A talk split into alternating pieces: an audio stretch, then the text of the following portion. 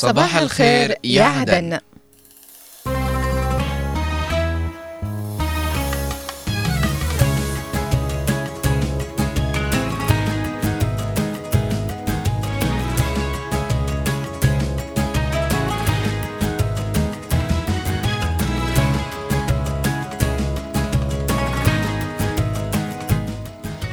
كل شيء له نكهته حتى الظلام والصمت. فإذا تعلمت أن تكون سعيدا بصرف النظر عن الحالة التي أنت فيها فلا تخف من الظلال فإنها تعني أن هناك ضوءا يسطع في مكان ما قريب. إذا شعرت بالتشاؤم تأمل الوردة فسيكون يومك مشابها للتعبير المرتسم على وجهك سواء كان ذلك بابتسامة أو عبوس. صباحكم سعادة ورضا مستمعينا ومتابعينا في كل مكان.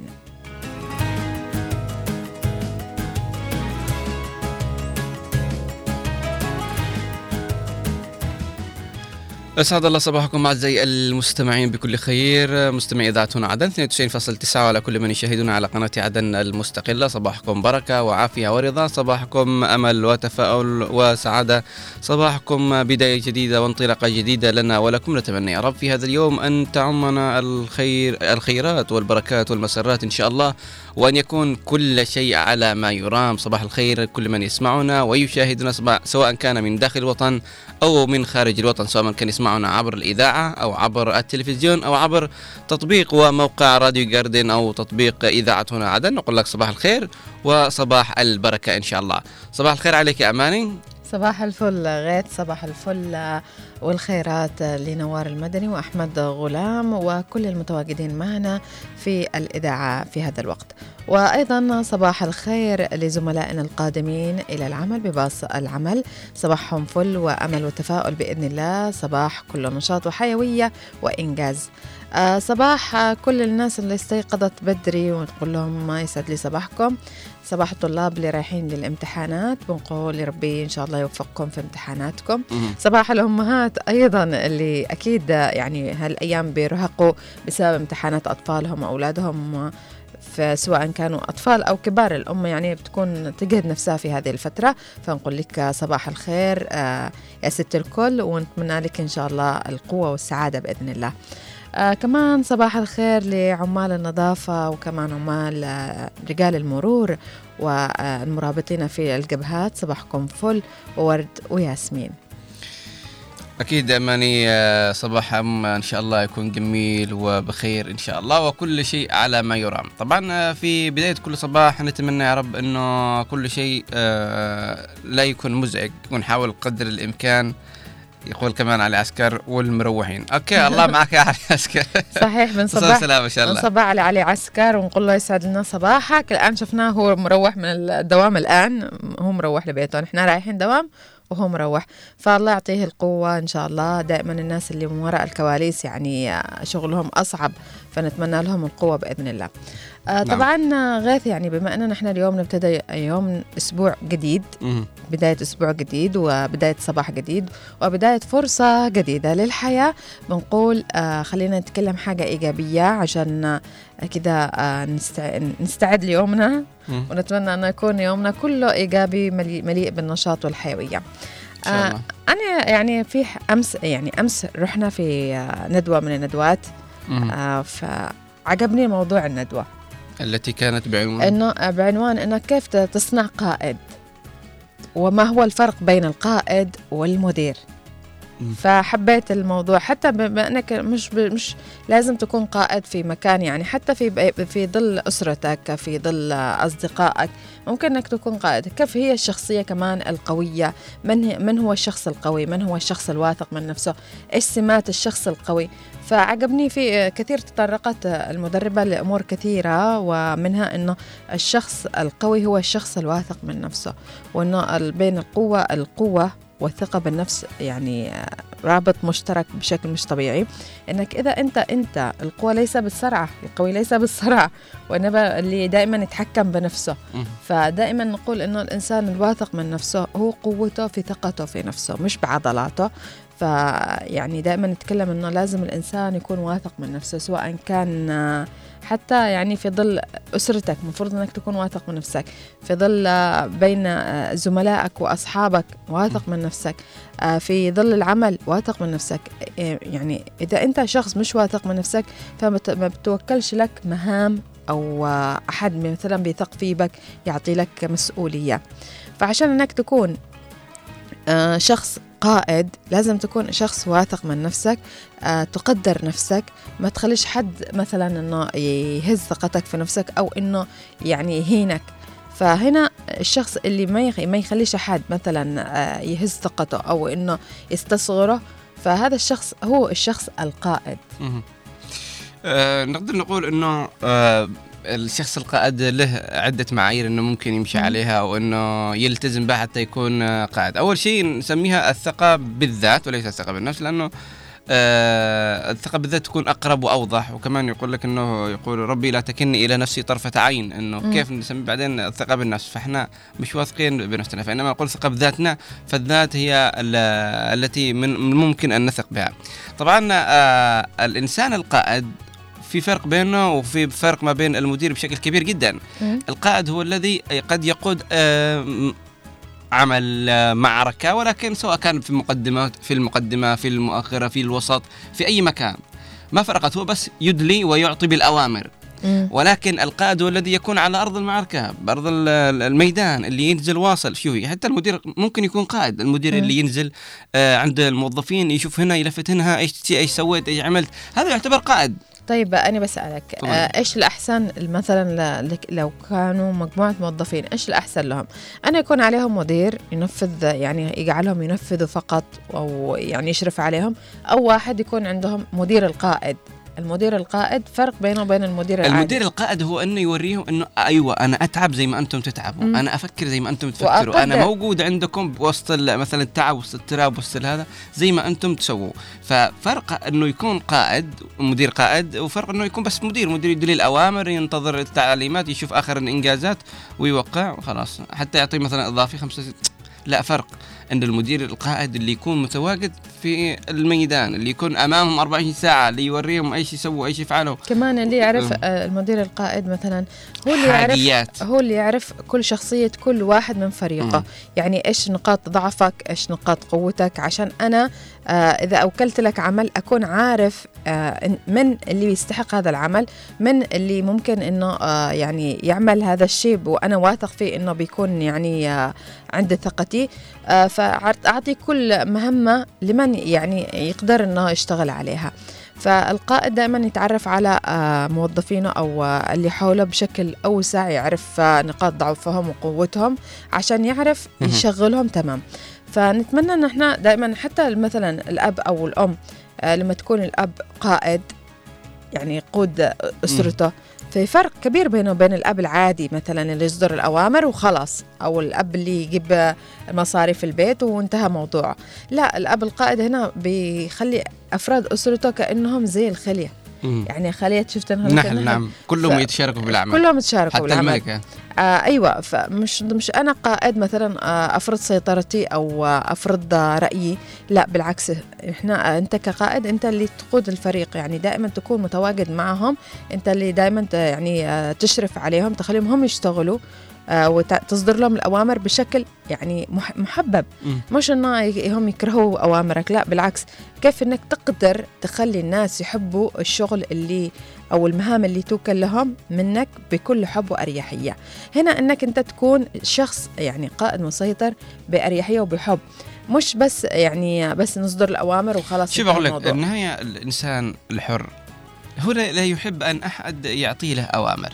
فعلا. بطبيعة الحال حتى وإن كان شو حتى لو كان هذا مصدر رزقه حتى وإن كان إنه يسمع التعليمات لكن هو بالنهاية يكره أن أحد يقول له افعل سوي اعمل. وخاصة النبرة مع الناس عندنا أو بشكل عام النبرة تختلف. مم. النبرة إذا اختلفت اختلف تقبلنا للأمر الذي يعطي لنا. في فرق إنك تقولي لو سمحت غيث أعطيني المنشف أو أعطيني الفاين اللي هنا. فرق تعال جيب لي ذاك الفاين. فالنبرة تختلف عندنا وخاصة إحنا كعرب مسلمين تختلف عندنا بشكل كبير جدا والأسلوب برضه يختلف. فالإنسان يعني قد ممكن إنه يقول بأوامر هو من ال يعني بالنهاية هو مدير okay عادي كل كلامه سواء قام بالطريقة الفلانية أو قام بالطريقة الفلانية. مم. ولكن أنا كمدير اشتي أكسب آه ود والتعاطف ما بيني وبين موظفيني إني أقول لهم آه لو سمحتم أفعلوا كذا لو سمحتم شدوا على نفسكم لو سمحتم آه آه، أبذلوا قصارى جهدكم. ففرق لما إنك تبداي بكلامك بكلمة تستلطفي فيها مسامع موظفيك وفي فرق إنك لما تقولي واحد اثنين ثلاثة إذا فهمت إذا لم تفعلوا كذا بخصم عليكم من راتبكم ففرق بالتهديد. التهديد هذا ما ينفع. يعني لدرجة إنه قد يوصل الموظف يقول I don't care حتى تشيل الراتب كله I don't care والله. بس ف- كفينا أيوة. من شرك. أيوه. ففي فرق. في فرق كبير. هناك فرق. وتكلمنا أيضا عن الثقة بالنفس إنه كيف أنت يعني بالذات خلاص عشان ما نقولش آه سلام عليكم. تعلمت بسرعة يا غيت أنا. فنقول الثقة بالذات كيف نحن ممكن إنك تكون واثق من ذاتك. أنا حبيت فكرة إنه ناس كثيرة نزلت آه يعني وحكوا تجاربهم إنه كيف آه كانوا يعني أشخاص مش واثقين بذاتهم خالص وكانوا ناس محبطين وكانوا يعني خافوا حتى إنهم يتكلموا أمام الناس. فوصلوا لمرحلة الآن إنهم يكونوا متحدثين. وصلوا لمرحله إنهم يعني أنجزوا إنجازات كبيرة في حياتهم وترفع لهم القبعة. فهذه يعني بتكلم بشكل عام على ال- الندوات اللي تكون فيها يعني آه اعطاء الناس دافع إنهم مثلا يحكوا تجاربهم آه يحكوا آه يعني آه، إيش اللي صار لهم عشان الناس اللي يسمعوهم كمان يتحفزوا ويتحمسوا إنهم يعملوا زيهم. فهذه الندوات هي اللي تخلي ال- ال- الشباب خاصة إنهم حتى لو مش شباب يعني صغار في كبار بالسن والله اجوا وكمان حكوا تجاربهم. ونحن ما دام أننا نحن نتنفس فنحن نتعلم نحن لنا أحقية في الحياة وأننا نقرب آه، ونعيش حياتنا مهما كان يعني عمرنا. لازم نحن يعني نغير نغير. حتى لو نقول لك في ناس يقول لك أنا كبير خلاص إيش بغير في طبعي؟ أو لا أنت آه، ما دام إنك عايش وإن الله أعطى لك فرص إنك تعيش وأعطى لك أيام جديدة وسنين وسنوات وأشهر فاستثمرها في نفسك وغير ويمكن إنك تلاقي أشياء مهم. جديدة أو تتغير من أطباع إنك كانت محبطاك نعم فنحن معنا فرصة جديدة للحياة دائماً. خلينا دائما نتعلم الأشياء من. المهد إلى اللحد يا أماني من المهد إلى اللحد ما زلنا نتعلم وكمان فعلا. لما يقول أحمد بن حنبل من المحبرة إلى المقبرة. يعني لابد إن إحنا مهما عشنا لابد إن إحنا نتعلم. ما. فيش حاجة فاتني القطار ولا ابدا. آه خلاص كبرت. فان إحنا نتعلم كل يش... آه، كل يوم شيء جديد هذا باستطاعة أي أحد. فكذا كانت آه، رسالتنا الصباحية أعزائي المتابعين. اينما كنتم نتمنى لكم صباح سعيد. خلونا نروح لهدية الصباح ومن ثم نعود لكم برنامج صباح الخير يا عدن.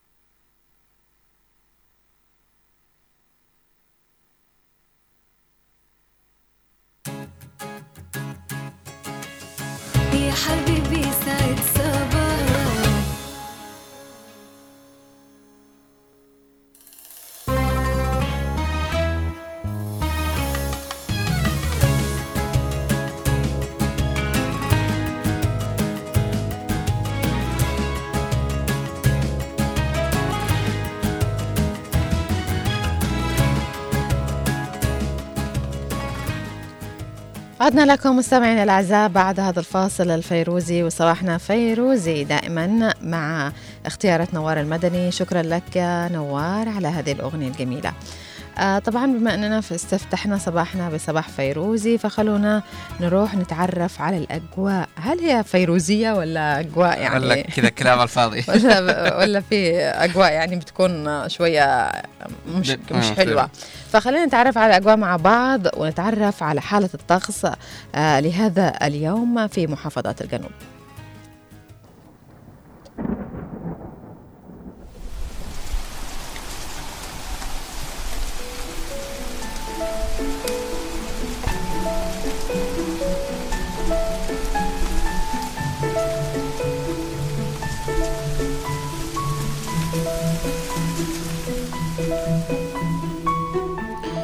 وإلى حالة الطقس المتوقعة خلال ال 24 الساعة القادمة بمشيئة الله ونبدأها من لحج. في لحج صباحا درجة الحرارة تبدأ ب 26 درجة مئوية ويكون الطقس غالبا صافي. ترتفع ظهرا وعصرا إلى 30 درجة مئوية مع غيوم متفرقة. مساء كذلك غيوم متفرقة ودرجة الحرارة تنخفض إلى 26 وليلا سيكون الطقس غالبا صافي ودرجة الحرارة تستقر إلى 24 درجة مئوية. أما حالة الطقس في محافظة أبين صباحا الأجواء صافية درجة الحرارة 27 درجة مئوية. ظهرا وعصرا هناك غيوم متفرقة في الأجواء. درجة الحرارة ترتفع في الظهر والعصر إلى 29 درجة مئوية.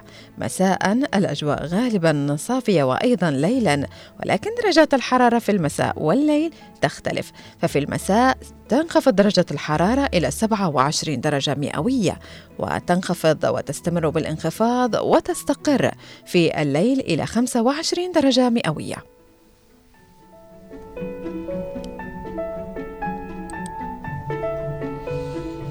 انتقالا إلى شبوة. شبوة منذ الصباح وحتى الليل سيكون الطقس صافي فصباحا درجة الحرارة تبدأ ب 20 درجة مئوية ثم ترتفع ظهرا وعصرا إلى 26 ومساء درجة الحرارة تنخفض إلى 21 وليلا تستقر ب 15 درجة مئوية. ماذا عن طقس يافا؟ ففي يافا في الصباح والظهر والعصر. الأجواء صافية ولكن درجات الحرارة تتفاوت ففي الصباح تبدأ ب 18 درجة مئوية ترتفع ظهرا وعصرا إلى 26 درجة مئوية. مساء الأجواء غالبا صافية ودرجة الحرارة تنخفض إلى 18 درجة مئوية. ليلا الأجواء صافية ودرجة الحرارة تستمر بالانخفاض وتصل إلى 15 درجة مئوية.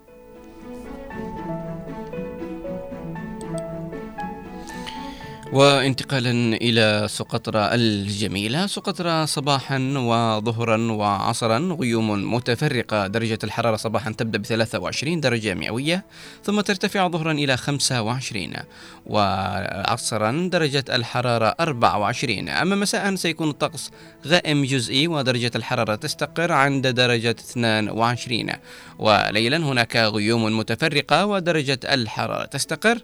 عند 21 درجة مئوية. ماذا عن طقس حضرموت؟ صباحا غالبا صافي وأيضا ظهرا. درجة الحرارة تبدأ في الصباح ب 22 درجة مئوية. ترتفع ظهرا إلى 28 درجة مئوية. عصرا ومساء هناك غيوم متفرقة في الأجواء ودرجة الحرارة تبدأ بالانخفاض عصرا ب 26 درجة مئوية. تستمر بالانخفاض مساء وتصل إلى 22 درجة مئوية. ليلا الأجواء غالبا صافية ودرجة الحرارة تستمر بالانخفاض وتصل إلى 20 درجة مئوية.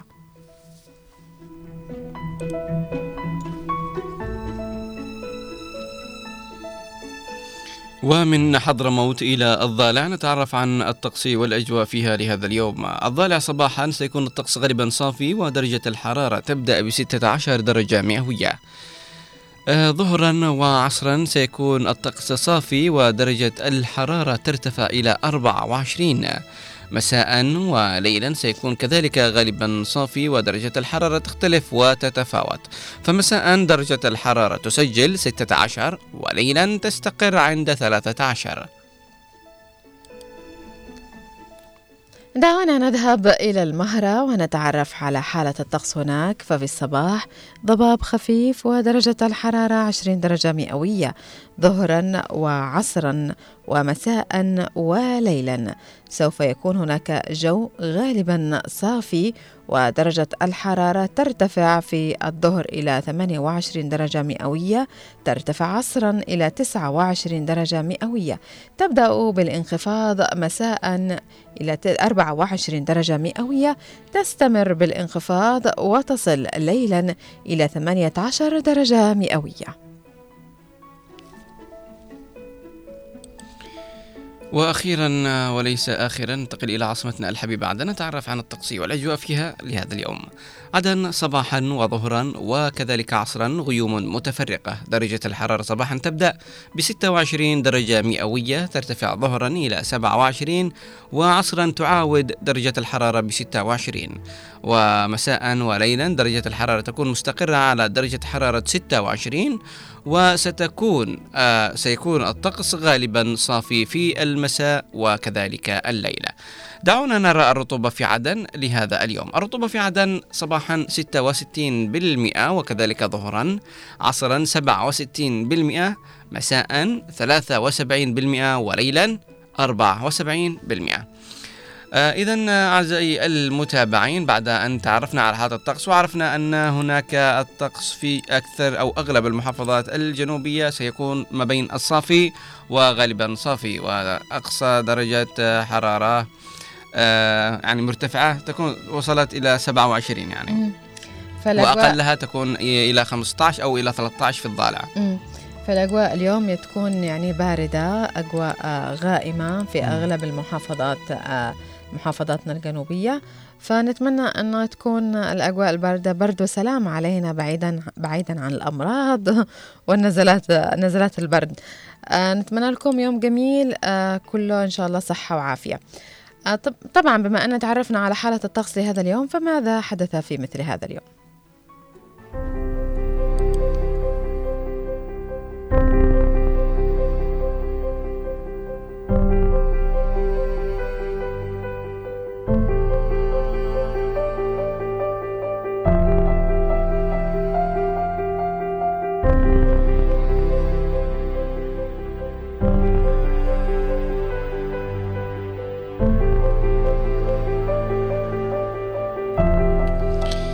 في مثل هذا اليوم في العاشر من ديسمبر.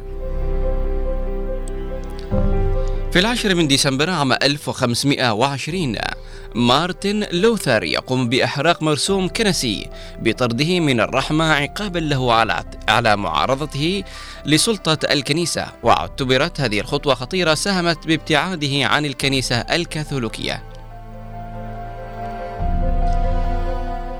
في العاشر من ديسمبر 1901 للميلاد بدء تسليم جوائز نوبل للمرة الأولى.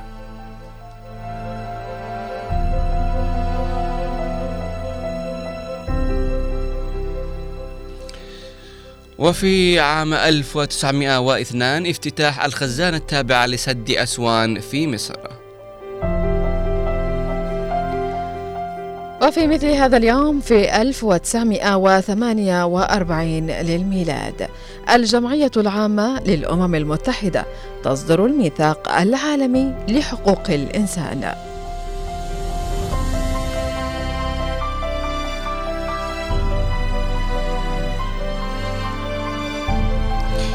وفي عام 1953 رئيس الوزراء البريطاني وينستون تشرشل يستلم جائزة نوبل في الأدب.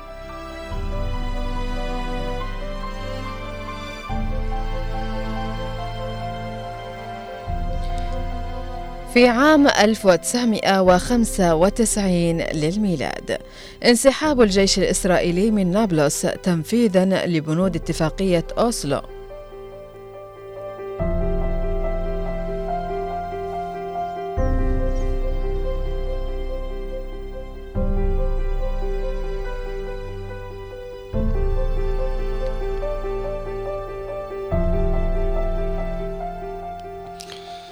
وفي عام 1984 الجمعية العامة للأمم المتحدة تقر, آه، تقر اتفاقية مناهضة التعذيب.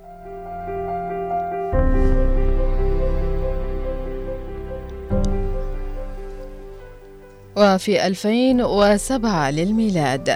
الإعلان عن تشكيل هيئة البيع السعودية والتي أسسها الملك عبد الله بن عبد العزيز آل سعود في 20 نوفمبر أو أو 20 أكتوبر 2006 وقد أختير الأمير مشعل بن عبد العزيز آل سعود رئيسا لها.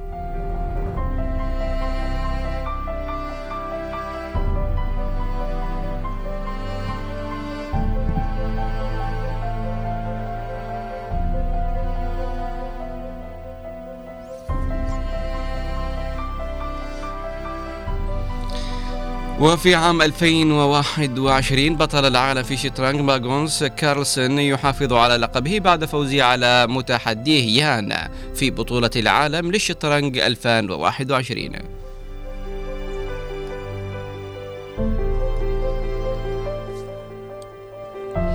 ومن مواليد هذا اليوم. في العاشر من ديسمبر 1394 أو 94 للميلاد ولد الملك جيمس الأول ملك اسكتلندا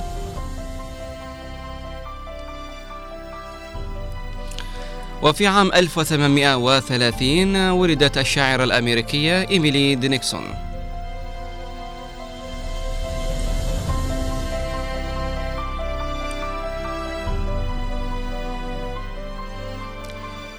في عام 1938 في مثل هذا اليوم ولد نائب سابق لرئيس الجمهورية السورية وهو فاروق الشرع.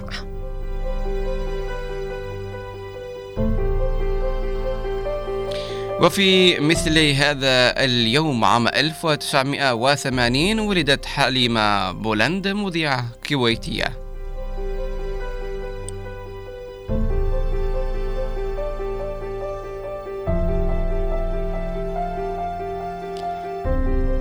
في عام 1980 للميلاد أيضا ولد المغني الكندي من أصل لبناني مساري.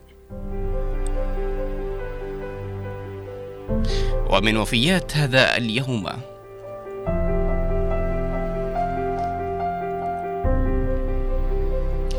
وفي مثل هذا اليوم عام 861 توفي الخليفة العباسي أبو الفضل جعفر المتوكل على الله. وفي مثل هذا اليوم في عام 1037 توفي الطبيب والفيلسوف المسلم ابن سينا. وفي عام 1109 أو 1198 توفي الفيلسوف الأندلسي ابن رشد.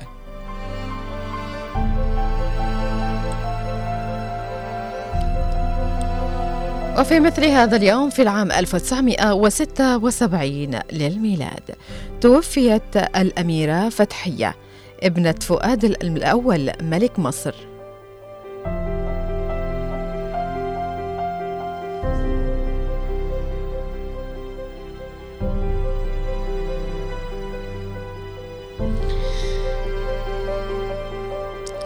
وفي مثل هذا اليوم توفي الفنان الراحل أبو بكر سالم.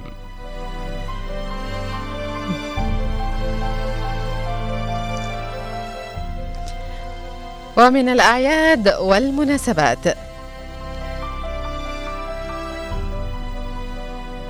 اليوم العالمي لحقوق الإنسان. ويوم الدستور في تايلاند. ويوم تقديم جائزة نوبل للفائزين بها. طبعا وصلنا إلى نهاية فقرتنا من حدث في مثل هذا اليوم ولكنني آه، ضحكت. عندي عتب على ويكيبيديا. عندي عتب على ويكيبيديا. آه، طبعا آه، المهم الفنان الكبير أبو بكر سالم بالفقيه مغني يعني حضرمي جنوبي وليس سعودي مكتوب سعودي.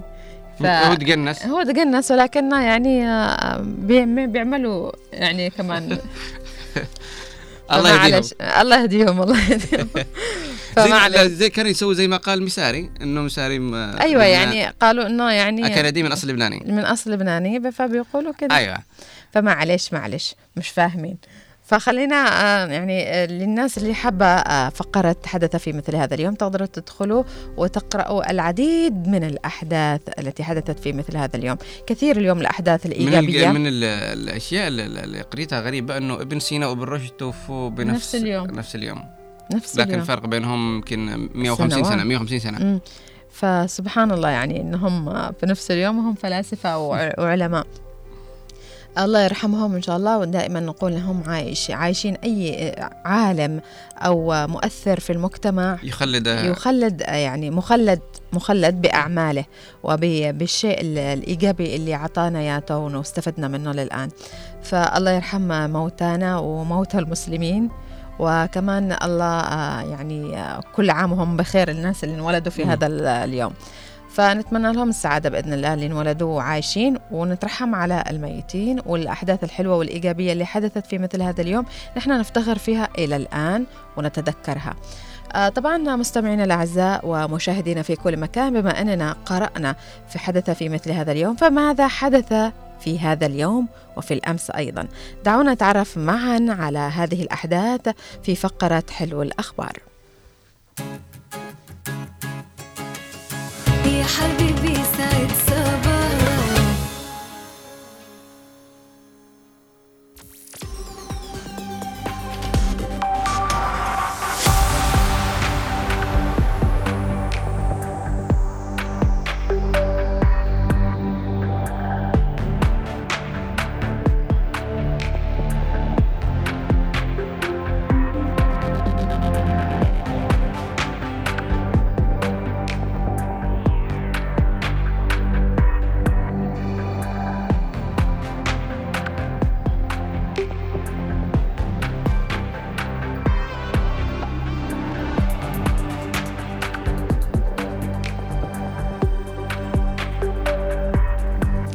أهلا وسهلا بكم أعزائي المتابعين اينما كنتم إلى فقرة حلو الأخبار التي نأخذ بعض الأخبار الإيجابية من عدة صحف ومواقع إلكترونية.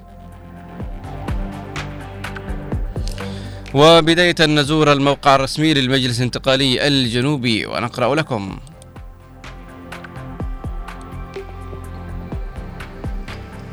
الرئيس الزبيدي يطلع على جاهزية القوات البحرية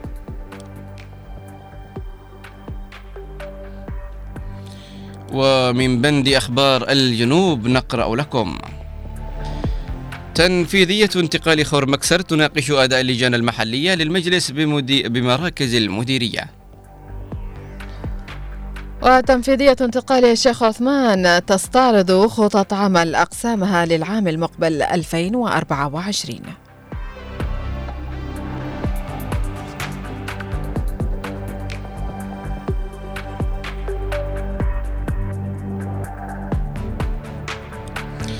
انتقال رضوم يدشن دورة تدريبية في الإسعافات الأولية لطلاب المدارس. ورئيس انتقال الضالع يلتقي مدير عام مكتب التربية والتعليم بالمحافظة.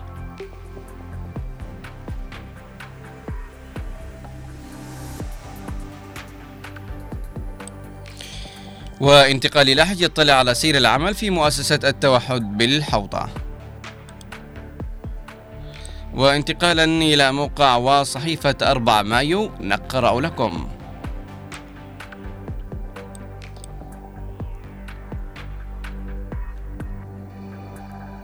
بتوجيهات المحافظ لملس تحرك وحدة التدخل بمشكلات الأراضي لتوفير الحماية لمخطط عمال موانع عدن.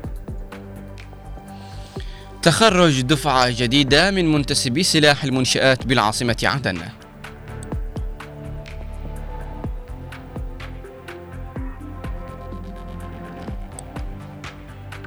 ومدير عام دار سعد يشيد بتدخلات الأشغال العامة بتنفيذ عدد من المشاريع الخدمية. خطة المعرض الوطني زراعة مليون شجرة بن.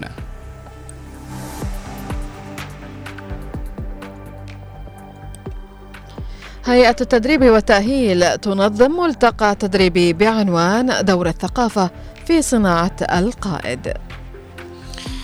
ومناشدات أهلية أحور لدعم مستشفى المديرية بمحاليل معالجة الجفاف.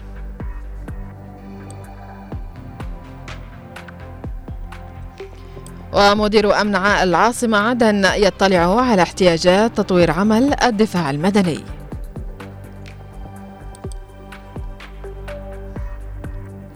وانتقالا إلى موقع صحيفة عدن تايم ومن بند أخبار عدن نقرأ لكم. وفد ألماني يزور موقع مشروع استراتيجي للمياه بعدن. منها 21 ألف كرتون جوافة و4380 كرتون من المشروب متعد مشر من المشاريب المتعددة. المواصفات ترفض وترفض وتتلف كميات كبيرة من منتجات مختلفة في عدن والمهرة.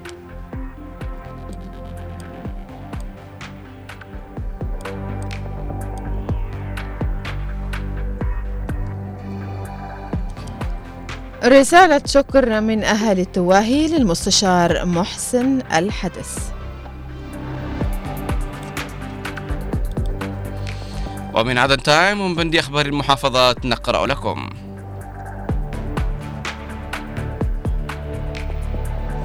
نقابة الصحفيين والإعلاميين الجنوبيين تشارك في تدريب ثلة من الناشطين والهواة في مجال صناعة المحتوى الرقمي بسيئون.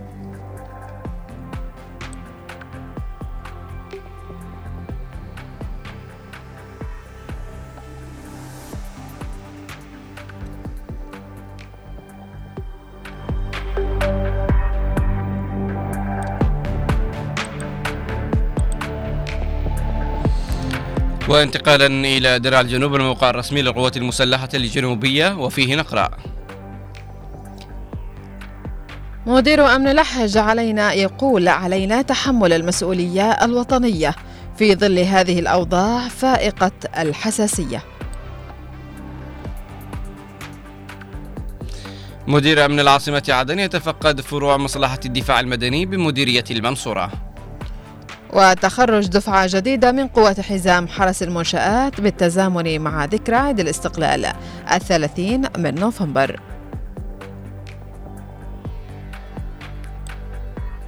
أمن العاصمة عدن يتسلم دفعة ثانية من المركوبات المقدمة من الإمارات العربية المتحدة.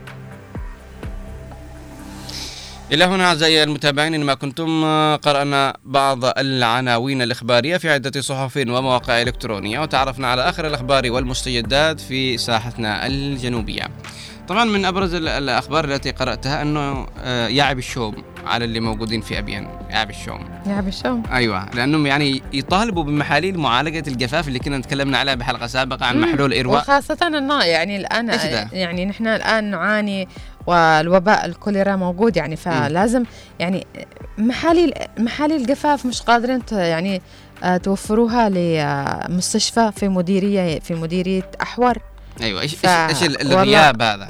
بجد يعني فين في مكتب الصحة اللي هناك؟ مم. يعني فين آه، الناس المسؤولين عن هذا فين الموضوع؟ اللي الناس الضالعين؟ فين القيادات اللي موجودة فعلاً. هناك ليش ما يوفروا لهم محاليل؟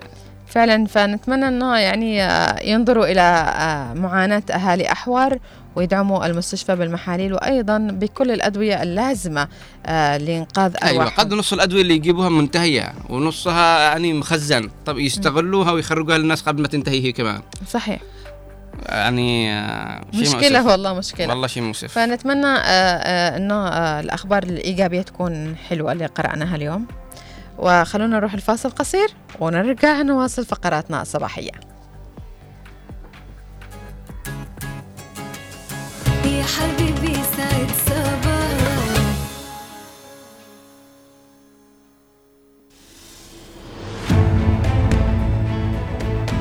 نعيش معكم ونتابع قضاياكم. نناقش همومكم. المواطن أو المستمع يقول لك يعني نسمع عن كذا كذا وكلا وكلا بالكيلو.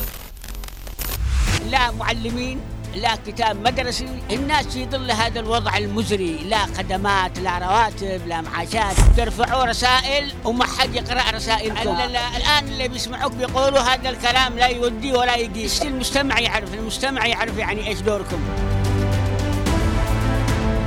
فرسائلكم مسموعة وأينما كنتم ننقلها إلى المعنيين في برنامج وطني.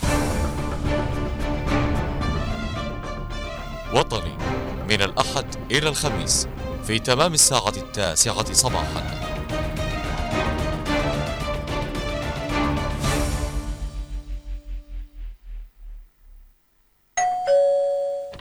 هي السلام عليكم. يا أهلا وسهلا. يا لوما ولا تسألي. فينك؟ فين الغيبة؟ ولا حد عاد يشوفك. فين اختفيتي علينا؟ والسخرة قسارة العاب يا لا تدوخ بيش. ما بتخرجش. أسكت. ما بتخرجش ولا بتروح مكان. وانت محروم من العواف ولا ذاك المرزوع داخل البيت؟ راقد 24 ساعة لا ليل وليل ولا نهار نهار. اسمعي لي الآن بسألك سؤال. أربعة في ستة كم؟ يا ربي على حوشة. إيش بطبخ اليوم أني؟ في كل بيت موضوع وفي كل بيت مشكلة. كيف نحل هذه المواضيع وكيف نتعامل مع مشاكلنا؟ إذا خليكم معنا في من البيت وداخل. من البيت وداخل. من الأحد إلى الخميس. في تمام الساعة العاشرة صباحاً.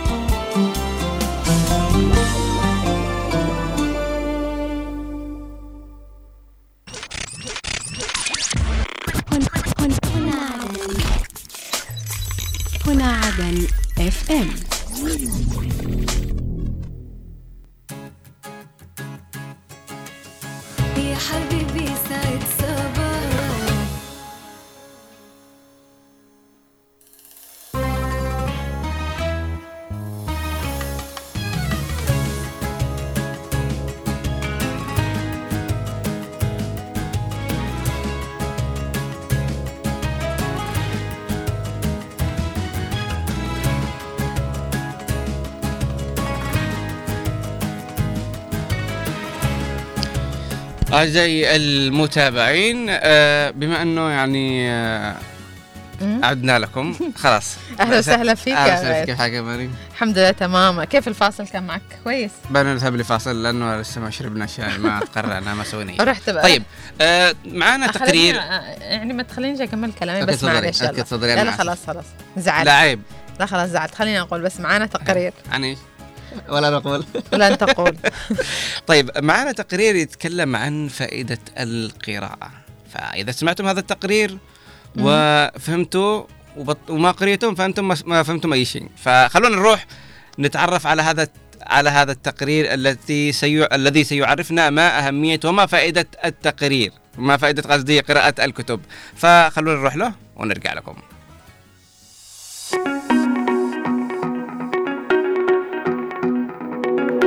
صباح الخير عليكم مستمعينا الأحبة وأيضا مشاهدينا على قناة عدن المستقلة والمستمعين لنا على إذاعة هنا عدن إف إم. وأيضا أهلا بالزملاء غيث وأماني في الاستوديو. اليوم بنتكلم عن موضوع مهم جدا يجهله الكثيرون ولا يعرفوا قيمته. حابين أكيد الآن تعرفوا إيش هذا الموضوع. اليوم بنتكلم عن القراءة التي تعتبر من أول فوائدها هو تحسين القدرة على التخيل. وهناك أيضا فوائد عديدة. هيا لنتعرف عن هذه الفوائد. تؤثر القراءة على الصدغ الأيسر من الدماغ وهذه المنطقة بالذات تساعد على التحليل والقراءة والتركيز وأيضا التفكير موجودة في الدماغ وأيضا ترتبط بالإحساس لدى الإنسان. بالإضافة إلى ارتباطها بالخلايا العصبية الموجودة بالدماغ التي توهم العقل بأنه يقوم بشيء ما وهو لا يقوم بفعله بالحقيقة وتسمى هذه الظاهرة بالإدراك المتجسد. أيضا فائدة القراءة تعمل على زيادة الذكاء، فالقراءة تزيد ذكاء الإنسان كلما قرأ أكثر بالإضافة إلى زيادة المعرفة. وأظهرت ورقة علمية من جامعة كاليفورنيا في بيركلي أن الذكاء لدى الأشخاص الذين بدأوا بالقراءة منذ الطفولة يزيد عنه عند أقرانهم بنسبة 50% تقريبا. وقد حصل الأشخاص الذين يقرؤون على درجات عالية في اختبارات الذكاء وإن من يستطيعون القراءة في سن مبكرة قد يكونون أكثر ذكاء من غيرهم عندما يكبرون. أيضا من فوائد القراءة فهم الآخرين. تساعد القراءة على جعل الشخص أكثر فهما لما يفكر بها الآخرون ويكون ذلك من خلال معرفة مشاعرهم وتفاهمها. وهذه المهارة يتقنها من يقرؤون الأدب الخيالي وإن فهم الحالات العقلية للآخرين تعد مهارة تجعل العلاقات الاجتماعية أكثر سلاسة للشخص. وهذا الأمر يميز البشر عن بعضهم البعض ومن الفوائد الأخرى للقراءة تعمل على تحفيز عمل الأعصاب في الدماغ وتحسين القدرة على تذكر المعلومات واسترجاعها وتقليل الشعور بالاكتئاب وتقليل التوتر لدى الإنسان. فهل بعد كل هذه الفوائد التي سمعتموها أعزائي المتابعين وأيضا المشاهدين لنا والمستمعين عن فوائد الكتاب ستظلون لا تقرؤون في الختام عودة للزملاء أماني وغيث في الاستوديو. شكرا مستر علي على قراءة هذا التقرير الممتاز. فالقراءة فعلا آه، تنشط الدماغ وتساعدك على الاستذكار والاسترجاع. يعني طالما إنك تقرأ طالما إنك بتكون بخير وبيحافظ على كذلك من ال- الفوائد إنه يقيك من الزهايمر مستقبلا كمان إنه القراءة تعطيك يعني خبرة فوق خبرتك يعني خبرات ناس كثيرة كتبوا وتضيف عمر إلى عمرك وتضيف لك عمر إلى عمرك وتخليك يعني تعرف آه، عوالم كثيرة وعلوم كثيرة وإنت جالس في مكانك. يعني ممكن إنك آه، تقرأ كتاب عن الكيمياء عن الفلسفة عن علم النفس عن آه، يعني آه، كيف إنك يعني تتعامل مع الناس وكيف إنك تتعلم كيف ممكن إنك تثق بنفسك. حاجات كثيرة يعني ممكن إنك تتعلم من الكتب. وهذه القراءة مهمة جدا جدا. نحن شعب إقرأ يعني. يعني إيش يسمونا آه، نحن أمة إقرأ. أمة إقرأ وشعب فعلا وشعب مشكلة. فنحن لازم نكون نحن نقرأ ولكن للأسف الشديد البعض أهمل القراءة. ليش نقول بعض ونغلط نفسنا يا اماني الكثير. الكثير ونقول الكثير خلينا. نقول البعض عشان نهونها على نفسنا. ونقول حتى نحن أحيانا والله يعني آه، أنا لما أتذكر نفسي وأنا طفلة كيف كنت أحب القراءة وكنت شغوفة بالقراءة. ولكن وصلت مرحلة أنه في هذه الفترة يعني ما بقارن نفسي بالزمان والآن فبشوف نفسي زمان كنت أقرأ أكثر مم. فليش إيش الأسباب هل يعني التهينا بالتليفونات والتهينا بالضبط. بالتكنولوجيا مم. وأهملنا الكتب مم. فيعني مشكلة فلازم نصلح أمورنا ولازم نرجع نقرأ نعم والقراءة شيء ضروري وهو يعني شريان الحياة أنه يعطيك عمر إلى عمرك يعطيك خبرة إلى خبرتك ويعطيك كثير من الأشياء اللي ممكن تستفيدها. في حياتك. دعونا أعزائي المتابعين بعد أن انهينا ف- فقرة التقرير نذهب إلى فقرة بريد اليوم مع زميلنا المراسل نصر الطيري من لحق. نقول يا صباح الخير. يا صباح الورد يا صباح النرجس يا صباح الياسمين لكم وأنتم أصدقائي في الاستوديو ومن خلف الاستوديو وكل مستمعي إذاعة عدن. صباحك فل وعافية بإذن الله. كيف الأجواء عندكم في لحق؟ جيد يعني جميله جدا للغاية لا أوصاف لا توصف وروعة. جميل. بروده شوية لكن ال- الجو ممتاز جدا. ما شاء الله. نعم. الله يرزقكم آه، الأجواء الكويسة والأوضاع الكويسة إن شاء الله أنتم وعامة المحافظات الجنوبية. اذا آه، زميلنا ناصر أطلعنا على المستجدات في لحج. أما المستجدات في لحق بمناسبة الذكرى السادسة والخمسين للاستقلال الأول الثلاثين من نوفمبر دعت قيادة السلطة المحلية بالمحافظة كافة شخصيات النخب الفنية والمثقفة آه، والمواطنين لحضور حفل آه، تكريم الربان الصغير عرفات الخواجة. يا سلام. آه، وذلك يوم الخميس الموافق 14 ديسمبر آه، مم. 23 آه، 2000 في قاعة القمدان حيث سيتم إهداء الموهبة الصغير عدد من الجوائز المشجعة له. يا سلام عليك وأيضا سيتم تكريم وتشجيع عدد من الفنانين الصاعدين أمثال سعد علوي فيصل مم. وحمدي فضل مسعود.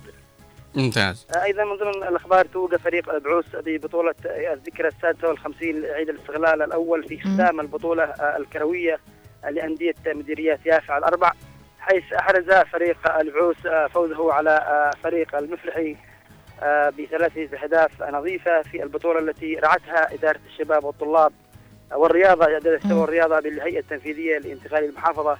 آه، فعالية رياضية احتشد آه، لها عشاق الكرة المس- المستديرة لتنهض أو لتنتهي بتكريم البطل الفائز. وكل من كان له آه، مشاركة آه، وإسهام في نجاح هذه البطولة منذ انطلاقها الأسبوع الماضي.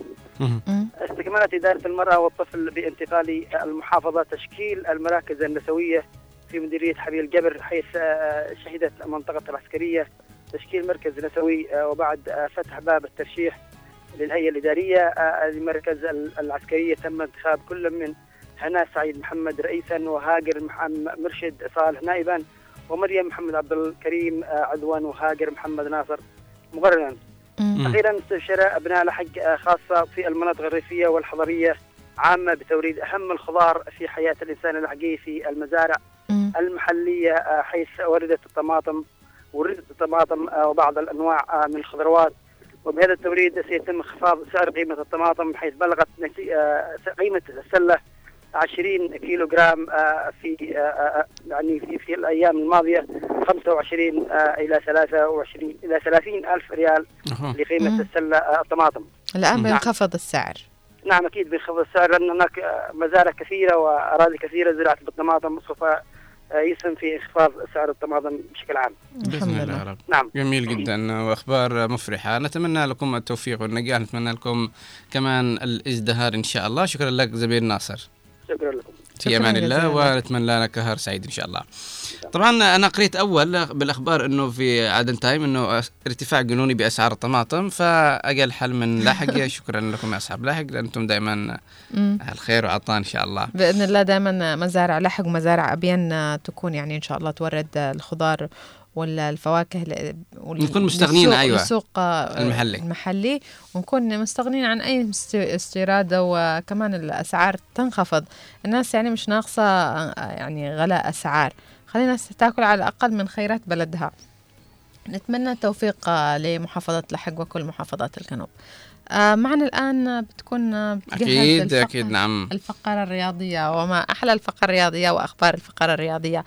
آه خلونا نستقبل على الهاتف آه الكابتن خالد هيثم. يسعدنا صباحك خ- كابتن خالد. صباح الورد أماني صباح الفل لطيف آه، صباح الياسمين نوار المدني أحمد محفوظ الحبة في هنا عدن. صباحك بركة إن شاء الله. إذا نوار دعنا نذهب إلى فقرتنا الرياضية.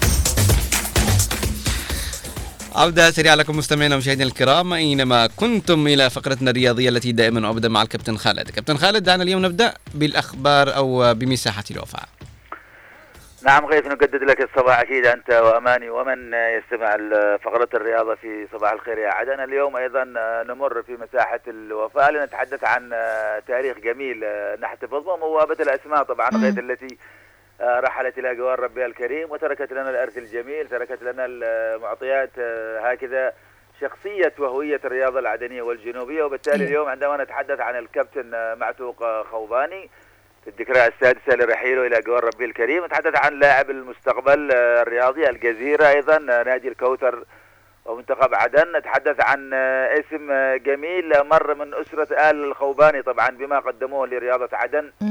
باعتبار أن هناك خمسة أشقاء آه، كلهم مارسوا كرة القدم ومع عبده وأحمد ومحمد وعبد الله أيضا وأنيس وبالتالي هذه الأسماء الجميلة آه، مرت على خاطر رياضة عدن. معتوه خوباني آه، غيث وأماني اسم تجاوز الحدود مع الأعطاء باعتبار أنه كان لاعبا ثم حكم ثم شخصية إدارية مقربة أيضا كان هكذا ساهم في ومنحنا كتاب خاص بتاريخ رياضة عدن وبالتالي نحن نتميز عندما نتحدث عن هؤلاء ال- ال- المتميزين باعتبار أنهم آه، شخصيات وطنية وتربوية ونقابية أيضا وسياسية ورياضية وبالتالي الحديث يطول لكن هي مساحة قصيرة نحن من خلالها نلبي رسالة إعلامية ترتبط بالوفاء لهؤلاء الذين غابوا عن المشهد غابوا عن الحياة لكن بقوا في قلوبنا في سطور التاريخ هكذا المدون في رياضتنا ال- الجنوبية وبالتالي مهما اتحدث عن هذا الاسم الجميل لكننا نتحدث عن شقيق لعبد الله خوباني وأنيس خوباني ومحمد وعبد الله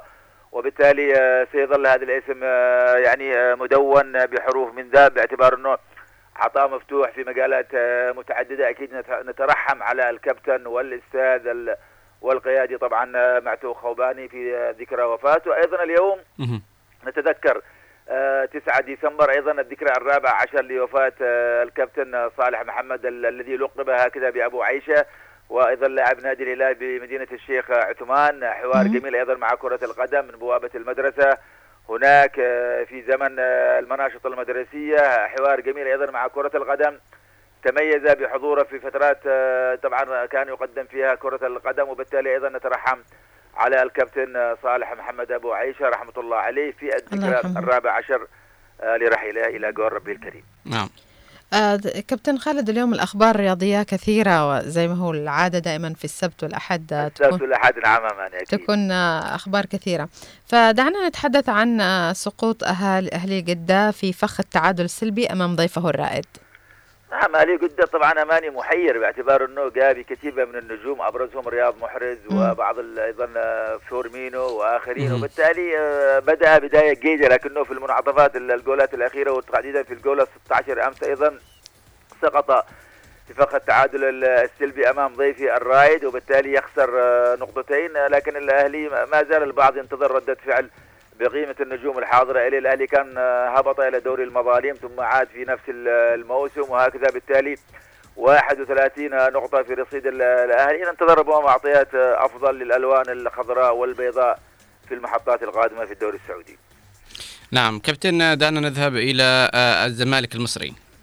نعم الزمالك المصري غاية يواصل النتائج الجميلة في بطولة طبعا كأس الكونفدرالية الأفريقية. أمس حقق أيضا الفوز آه، في القاهرة هناك على ضيفي طبعا آه، ساجرادا الانجولي بهدف آه، كان سجله طبعا أحمد سيد زيزو في الدقيقة 42 وبالتالي الزمالك ثلاثة انتصارات تسع نقاط علامة كاملة. أكيد نواصل الحديث عن الحضور العربي في البطولات الأفريقية. نعم. دعنا نتحدث عن منافسات دوري أبطال أفريقيا ونتائج ال- المباريات. نعم أماني مثل ما تحدثنا على الزمالك في الكونفدرالية تحدث أيضا عن الحضور العربي في بطولة أبطال آه، أفريقيا أو دوري مم. أبطال أفريقيا. أمس الترجي التونسي آه، وقع في فخ التعادل السلبي أمام الضيف طبعا الأنغولي آه، بترو أتلتيكو بنتيجة سلبية لكن في الأخير إنه آه، بالتعادل آه، أتلتيكو في الصدارة بسبع نقاط آه، الترجي أيضا للوصافة بأربع نقاط ثم الهلال السوداني بثلاث نقاط. آه، النجم الساحلي آه، من المفاجآت يتذيل ال- المجموعة أيضا على نفس المنوال وفي نفس الاتجاه الوداد المغربي أمس آه، فاز على سيمبا التنزاني بهدف آه، ضمن مباراة الجولة الثالثة من دوري أبطال آه، أفريقيا. الهدف الوحيد كان سجله زكريا الدراوي في الدقيقة أيضا آه، الثالثة من الوقت بدل الضايع وبالتالي ال- آه، رفع الرصيد الوداد إلى ثلاث نقاط في المركز ال- الثالث معطيات آه، بطولة قوية بطولة أبطال أفريقيا أماني سنتابعها في المحطات القادمة. نعم كابتن دعنا نذهب إلى الليغا وتحديدا مباراة مدريد وبيتيس. نعم طبعا آه، خيبة أمل أمس بالنسبة لعشاق ريال مدريد الفريق الذي يتصدر الليغا الأسبانية ذهب ضيفا على ريال بيتيز هناك آه، في معقل الأخير آه، بينيتو فيامارين وبالتالي سقط أمس الريال أيضا بالتعادل ال- ال- بهدف لهدف. بيلينغهام كان منح ريال مدريد الأسبقية في الدقيقة 53 لكن إيتور آه، أعاد النتيجة إلى التعادل لصالح ريال بيتيز بالتالي ريال مدريد 39 نقطة في صدارة الترتيب. آه، بيتيز 26 ننتظر مباراة اليوم. طبعا برشلونة أكيد آه، جيرونا في باقي المباريات أيضا. هناك تعادل آه، بهدف لهدف كان جمع آه، إشبيليا مع راي فاليكانو.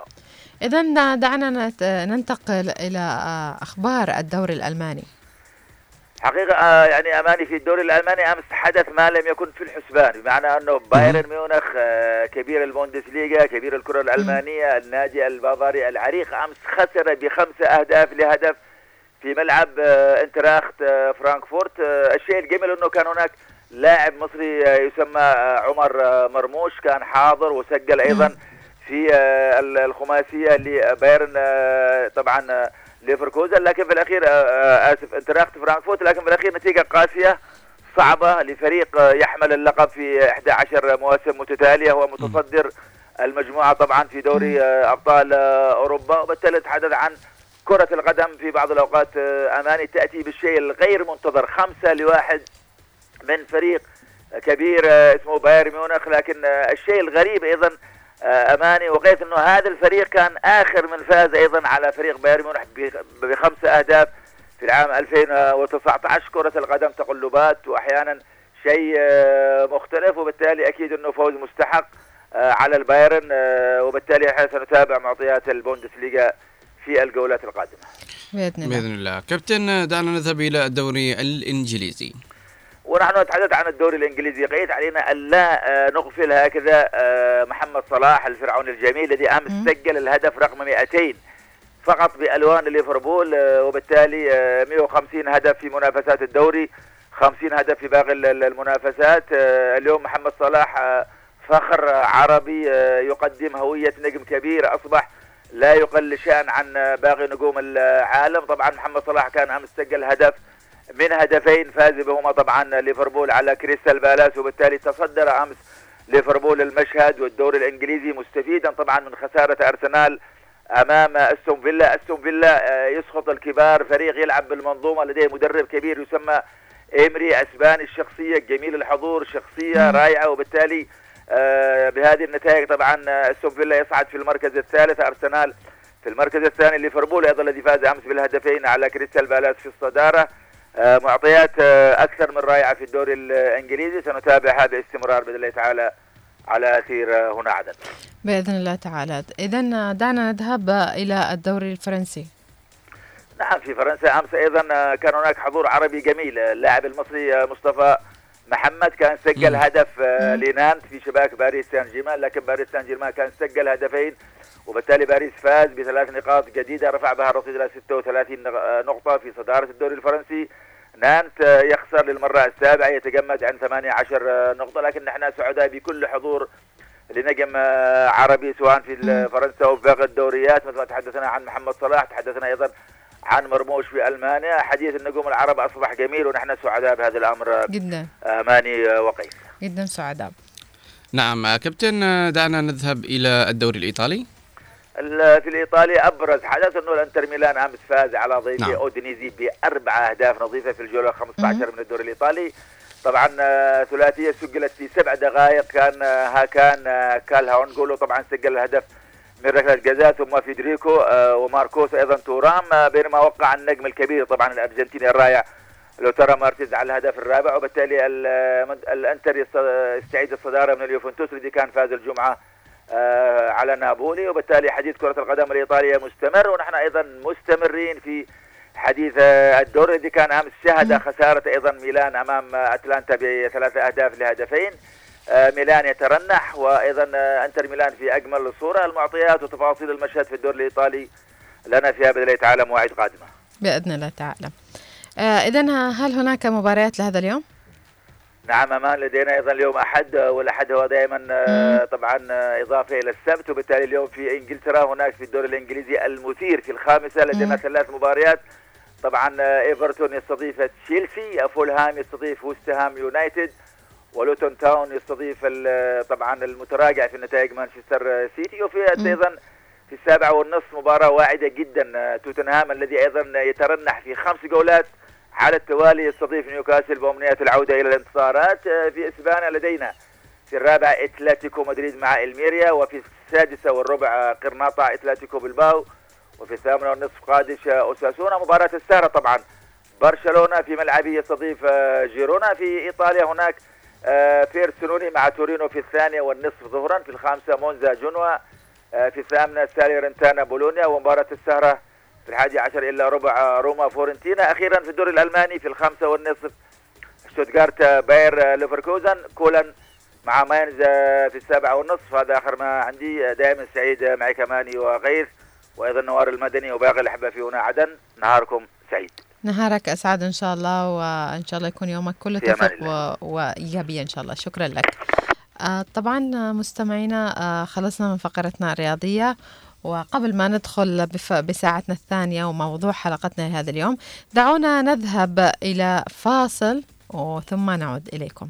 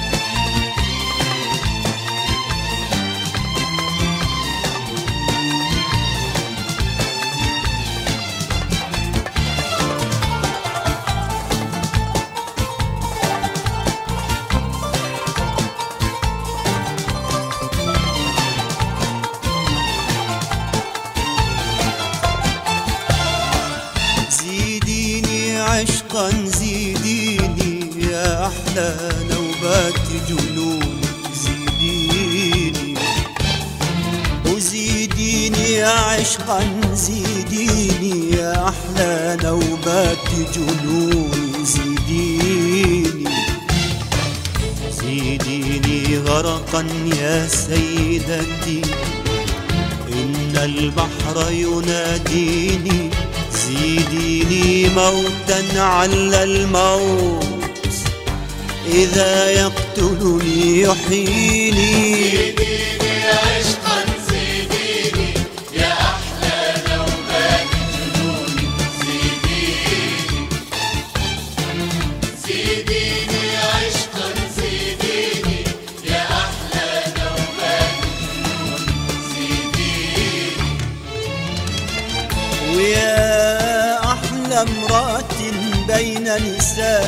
الكون أحبيني ويا من أحببتك حتى احترق الحب أحبيني ويا يا, يا أحلى امرأة بين نساء الكون أحبيني ويا من أحببتك حتى احترق الحب أحبيني إن كنت تريدين نسكنا أسكنتك في ضوء عيوني. يا أحلى امرأة بين نساء الكون أحبيني ويا من أحببتك حتى احترق الحب أحبيني إن كنت تريدين السكن أسكنتك في ضوء عيوني وحبك خارطتي حبك خارطتي ما عادت. خارطة العالم تعنيني وحبك خارطتي حبك خارطتي ما عادت. خارطة العالم تعنيني. أنا أقدم عاصمة للحزن وجرحي نقش الفرعون وجعي يمتد كسرب حمام من بغداد إلى الصين. عشقا زيديني يا أحلى نومات جنوني زيديني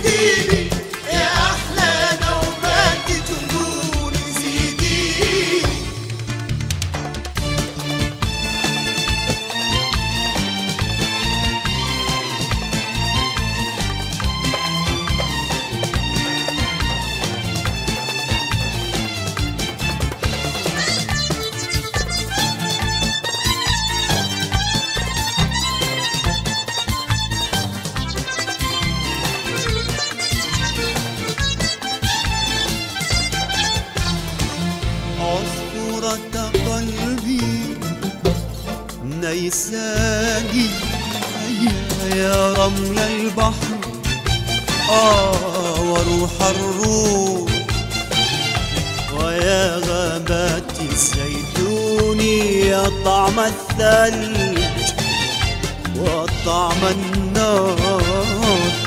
ونكهة شكي ويقيني أشعر بالخوف أشعر بالخوف من المجهول فآويني.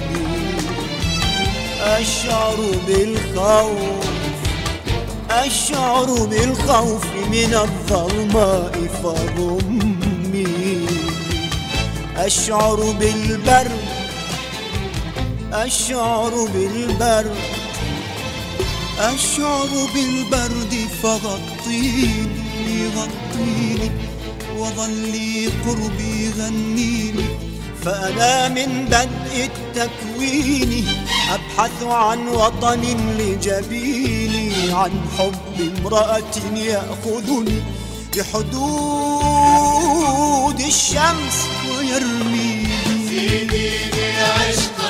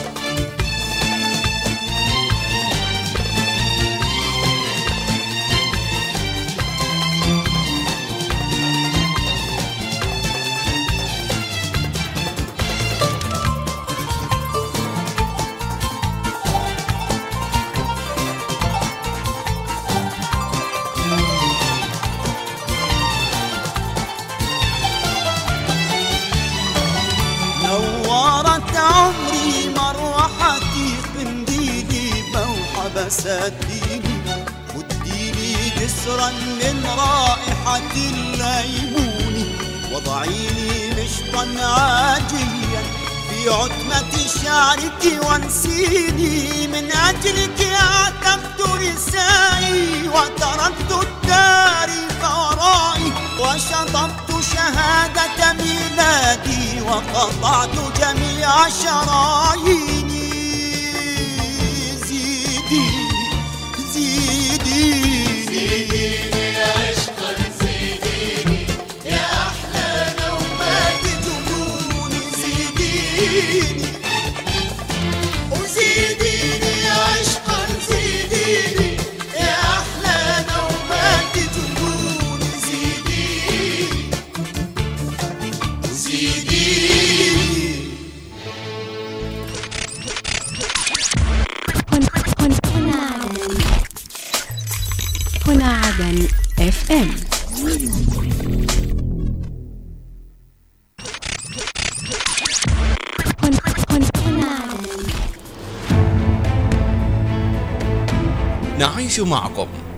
ونتابع قضاياكم. نناقش همومكم. المواطن أو المستمع يقول لك يعني نسمع عن كذا كذا وكيل وكلا وكلا بالكيلو. لا معلمين لا كتاب مدرسي. الناس في ظل هذا الوضع المزري. لا خدمات لا رواتب لا معاشات. ترفعوا رسائل وما حد يقرأ رسائلكم. لا لا الآن اللي بيسمعوك بيقولوا هذا الكلام لا يودي ولا يقيس المجتمع يعرف المجتمع يعرف يعني إيش دوركم. فرسائلكم مسموعة وأينما كنتم ننقلها إلى المعنيين في برنامج وطني. وطني من الأحد إلى الخميس في تمام الساعة التاسعة صباحا.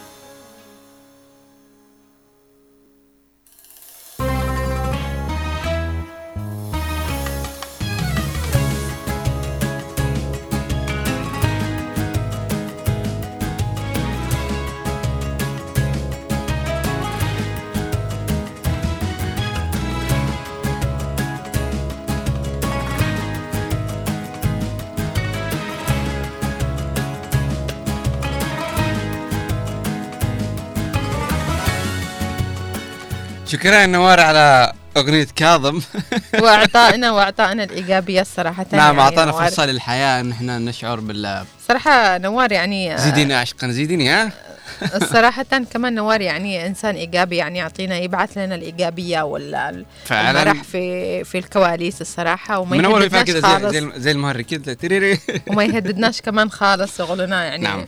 كمل الوقت ولا حاجة خلينا إنسان- على راحتنا إنسان شكرا كريم. لك يا نوار شكرا طبعا مستمعينا عدنا لكم بعد هذا الفاصل الجميل وأكيد أكيد الآن وقت الجد. أيوه دخلنا وقت الجد. موضوع حلقتنا لهذا اليوم بيكون عن صناعة المحتوى ت- وسنتعرف على تجربة آه، صانع الأفلام القصيرة الهادفة طيب أو خل صناعة خل... آه، الأفلام. عفوا آه، مانع على المقاطعة ام سوري بس خلينا نب... نبدأ نمهد. متعود يعني إيش يعني حبيبي. طيب خلينا نبدأ نمهد نمهد بذا الكلام نمهد بالموضوع اللي بنتكلم عنه. مم. إحنا عارفين إنه في كثير جدا ناس في وسطنا وفي المجتمع ينشروا فيديوهات صح ولا لا. ويا ما كثر الناس. لكن عندنا الرائج بشكل كبير إنه إيش؟ إنه ذا بينزل فيديوهات okay funny ومضحك وانتهى الأمر. أيوة. لكن فين الفكرة الكويسة يا أماني؟ إنه يكون في واحد يصنع محتوى ويكون إيش؟ برضه هادف. وله فعلاً. قيمة فعلا فعلا إحنا كثير وخاصة في هذا الزمن زي ما قلت يعني في هذه ال- الأحيان يقول لك أنا لو صنعت آه، محتوى هادف ما بلاقيش مشاهدات كثيرة. على قد ما بسوي مح- محتوى ما لهش أي قيمة أو لمجرد بس إنه أضحك الناس أو أعمل لهم شو. فبلاقي ناس يعني مشاهدات كثيرة والناس بتدخل أكيد أكيد مش إنه كلهم بيمدحوا فيك كلهم بي يعني بيعلقوا عليك بالسلب ولكن في البعض ينبسط وهو الناس يعني يعطوا له تعليقات آه، مش كويسة أو متع- يعلقوا عليه. يقول أهم حاجة إنه وصل. مم. أهم حاجة إن أنا وصلت شفتي زي مشاهير ال social media اللي هو أيوة. يكون محتواهم سيء والتعليقات سيئة أيوة ومكانه مستمر ليش؟ لأنه هو يشتي هو وصل أصلا مم. بما أن الناس تعلق عليك ما حد بيعلق عليك إلا إذا شاهد محتواك فكثر التعليقات سواء شهرة. بالسلب ولا الإيجاب هي عبارة عن آه، مشاهدات فنحن نشتي نتعرف اليوم على آه، يعني تجارب لشباب عملوا آه، أشياء جميلة محتوى جميل هادف لامس هموم ومشاكل الشباب والمجتمع. آه، في كثير من الشباب صراحة ترفع لهم القبعة. وأنا أنا عن نفسي يعني من متابعين هؤلاء الشباب ومتابعين اليوم آه، ضيفنا. فدائما أشوف حقه ال- الفيديوهات وأقول ليش ليش هذا الشاب يعني ما, ما تستقطبوش أي جهة ممكن انها تدعمه أكثر وأكثر. هو سوى يصور بجواله ويمنتج بجواله أعتقد يعني إمكانياته بسيطة, بسيطة، نعم. فإذا هذا الشاب وهؤلاء الشباب اللي يصنعوا المحتوى الجيد المحتوى اللي له قيمة اللي له هدف آه، ويعني استقطبوهم جهات ممكن إنها تنتج لهم آه، برامج آه، مسلسلات يعني آه، يعني أشياء جميلة ممكن إنها تتشارك معهم بالأفكار آه، والإنتاج أيضا. فبيطلع منهم أشياء جميلة جدا تفيد المجتمع تفيد شبابنا الآن. فاليوم نحن بنتعرف على تجربة لشاب صانع محتوى صانع أفلام قصيرة. يعني آه، تكلم عن غلاء المهور تكلم عن تأخر الوظائف للشباب آه، تكلم عن معاناة الشباب آه، تكلم عن آه، آه، يعني عن الرواتب تكلم على حاجات كثيرة جدا جدا جدا. فنحن الآن بيتجهز التليفون ولا معانا على الهاتف؟ أوكي. يت- يتجهز تنطبخ ال- المكالمة على بال ما تنطبخ. يتجهز الضيف.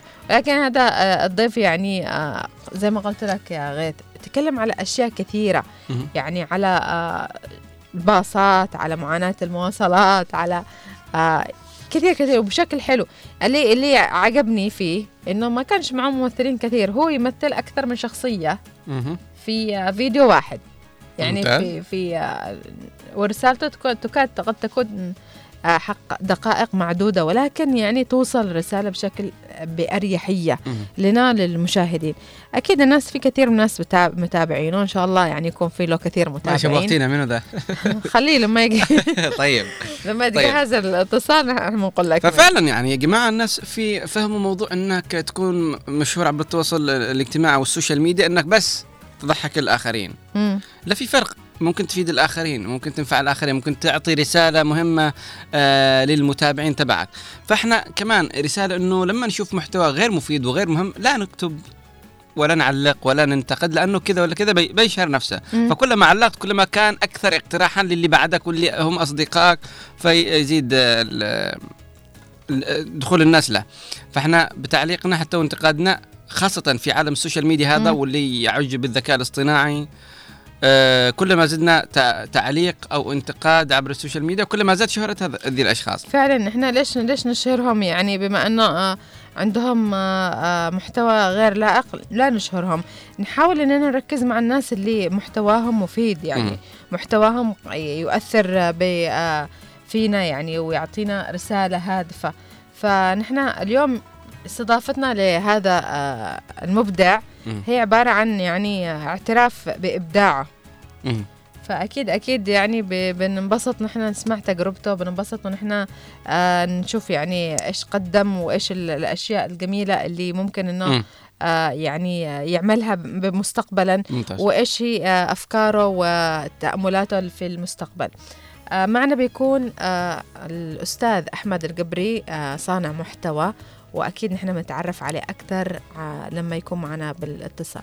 السلام عليكم. عليكم السلام ورحمة الله. كيف حالك أستاذ أحمد؟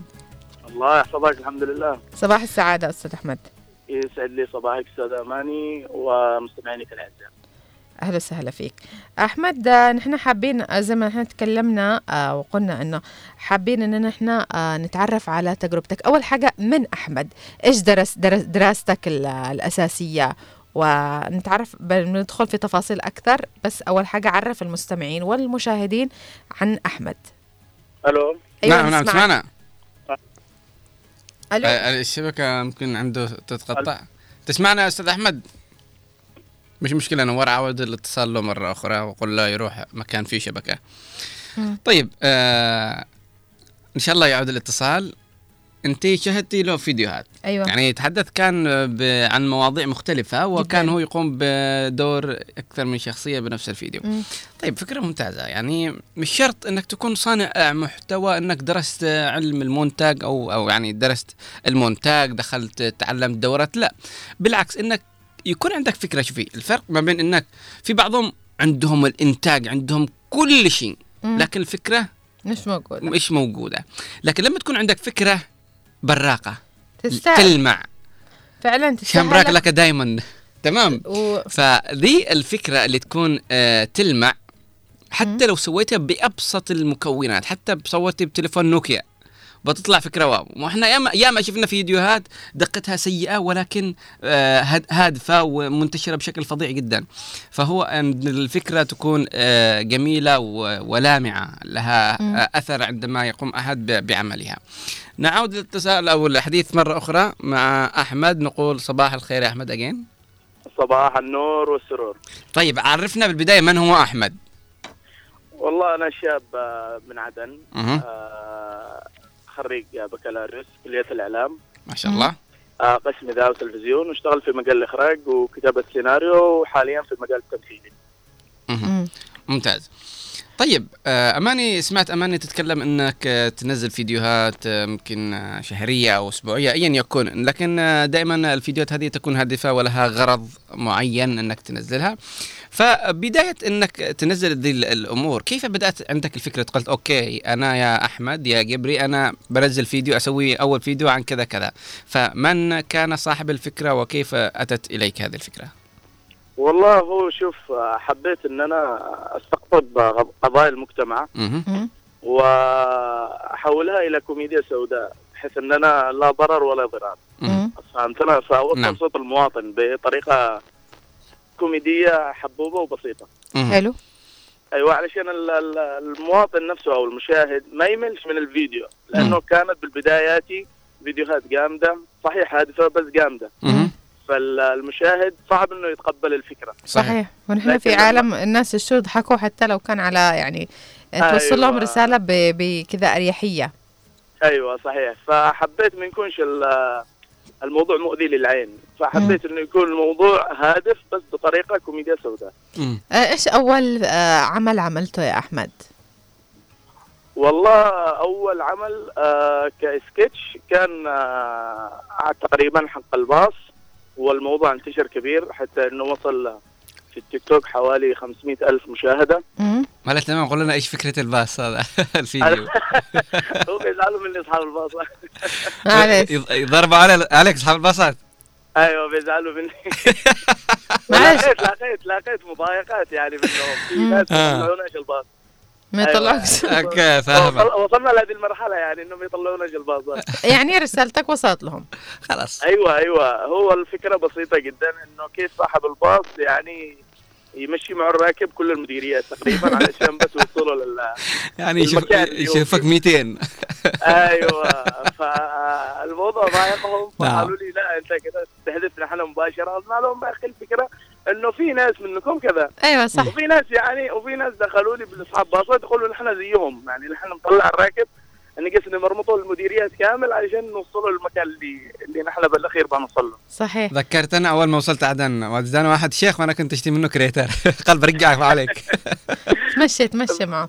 فيعني آه، ك- آه، أنت لما اجتك الفكرة كيف أول يعني آه، تف- فكرة أجا- جاءتك مثلا آه، وأنت طالب أو بعد ال- الجامعة وكيف كتبت السيناريو؟ هل حد ساعدك أو آه، لحالك؟ لا هو شوفي بالنسبة لل... لما كان طالب كان موضوع إعلامي أكثر من ما هو تمثيلي فكنت عمل فيديوهات آه، توعوية لكن إعلامية. يعني آه، فيديو جامد ان أنا أيوة. اطلع اتكلم مع ال... أيوه المشاهدين بطريقة جامدة. لكن الموضوع ده ما نفعش للأسف وفي ناس نصحونا. فاتبعت الخطوة اللي هو إيش آه، ساعدنا يعني ساعدونا ناس. وهكذا مصور ساعدنا. وكمان في صانع محتوى اسمه على علوية هذا شاركنا بموضوع الفيديو. آه معروف على. أيوه على. فهو هو معي بالفيديو حق الباص. فقال لي ليش ما نصلحش أنا وأنت نكون زي التيم واحد نعمل سكتشات وكذا بسيطة. قلت له okay مش مشكلة. خلينا نقرب. طيب. الحمد لله يعني التجربة نجحت. جميل. جدا. آه، هل لا زلت آه، أنت وعلاء يعني team واحد أو كل واحد بعدين عمل آه، شغله الخاص؟ لا هو كل واحد عمل شغله الخاص بس آه، إذا جمعنا نحن عمل مش مشكلة يعني عادي. امور طيبه لأنه نحن الاثنين أيوه أكيد. وأهم شيء إنه يكون يعني آه، إنكم تحاولوا إنكم توصلوا رسالة واضحة للناس. أنه أيوه زي ما قلت كوميديا سوداء. فشيء في شيء في شيء جميل لكن بداية الأمر قبل ما تسوي الفيديوهات ألم تكن متخوف من فكرة إنه آه، يمكن الاقي بالرفض أو السخرية أو ال- الحاجة زي كذا أو ان دراستك لمجال إنك آه، إعلام أو حاجة زي كذا ألغت كل الأفكار السلبية اللي كانت في رأسك؟ لا هو بالنسبة لل- للموضوع هذا يعني أنت تشوف جمهورك المستهدف من بالضبط. فأنت تستهدف الشباب والشباب نتيجة ما أنت يعني ما تشوف بالحياة. إنه الشباب يشتي بس يبتسم يضحك يهرب من ظروف الحياة أيوه. اللي هو عايش فيها فيحاول إنه يهرب منها إلى الكوميديا أكيد مش إلى الدراما والتراجيديا. مم. فهو دائما يحاول يهرب إلى الكوميديا فنحن قدمنا له قضايا بطريقة كوميدية. جميل جدا. وهو الشر البلية ما يضحك يعني. أيوة. فعلا. أحمد إذا ممكن تعدد لنا المواضيع اللي أنت ناقشتها في السكتشات تبعك استهدفت إيش من مواضيع وسلطت الضوء عليها؟ والله استهدفت ال- الوساطة والمحسوبية. استهدفت آه، عملة الأطفال. مم.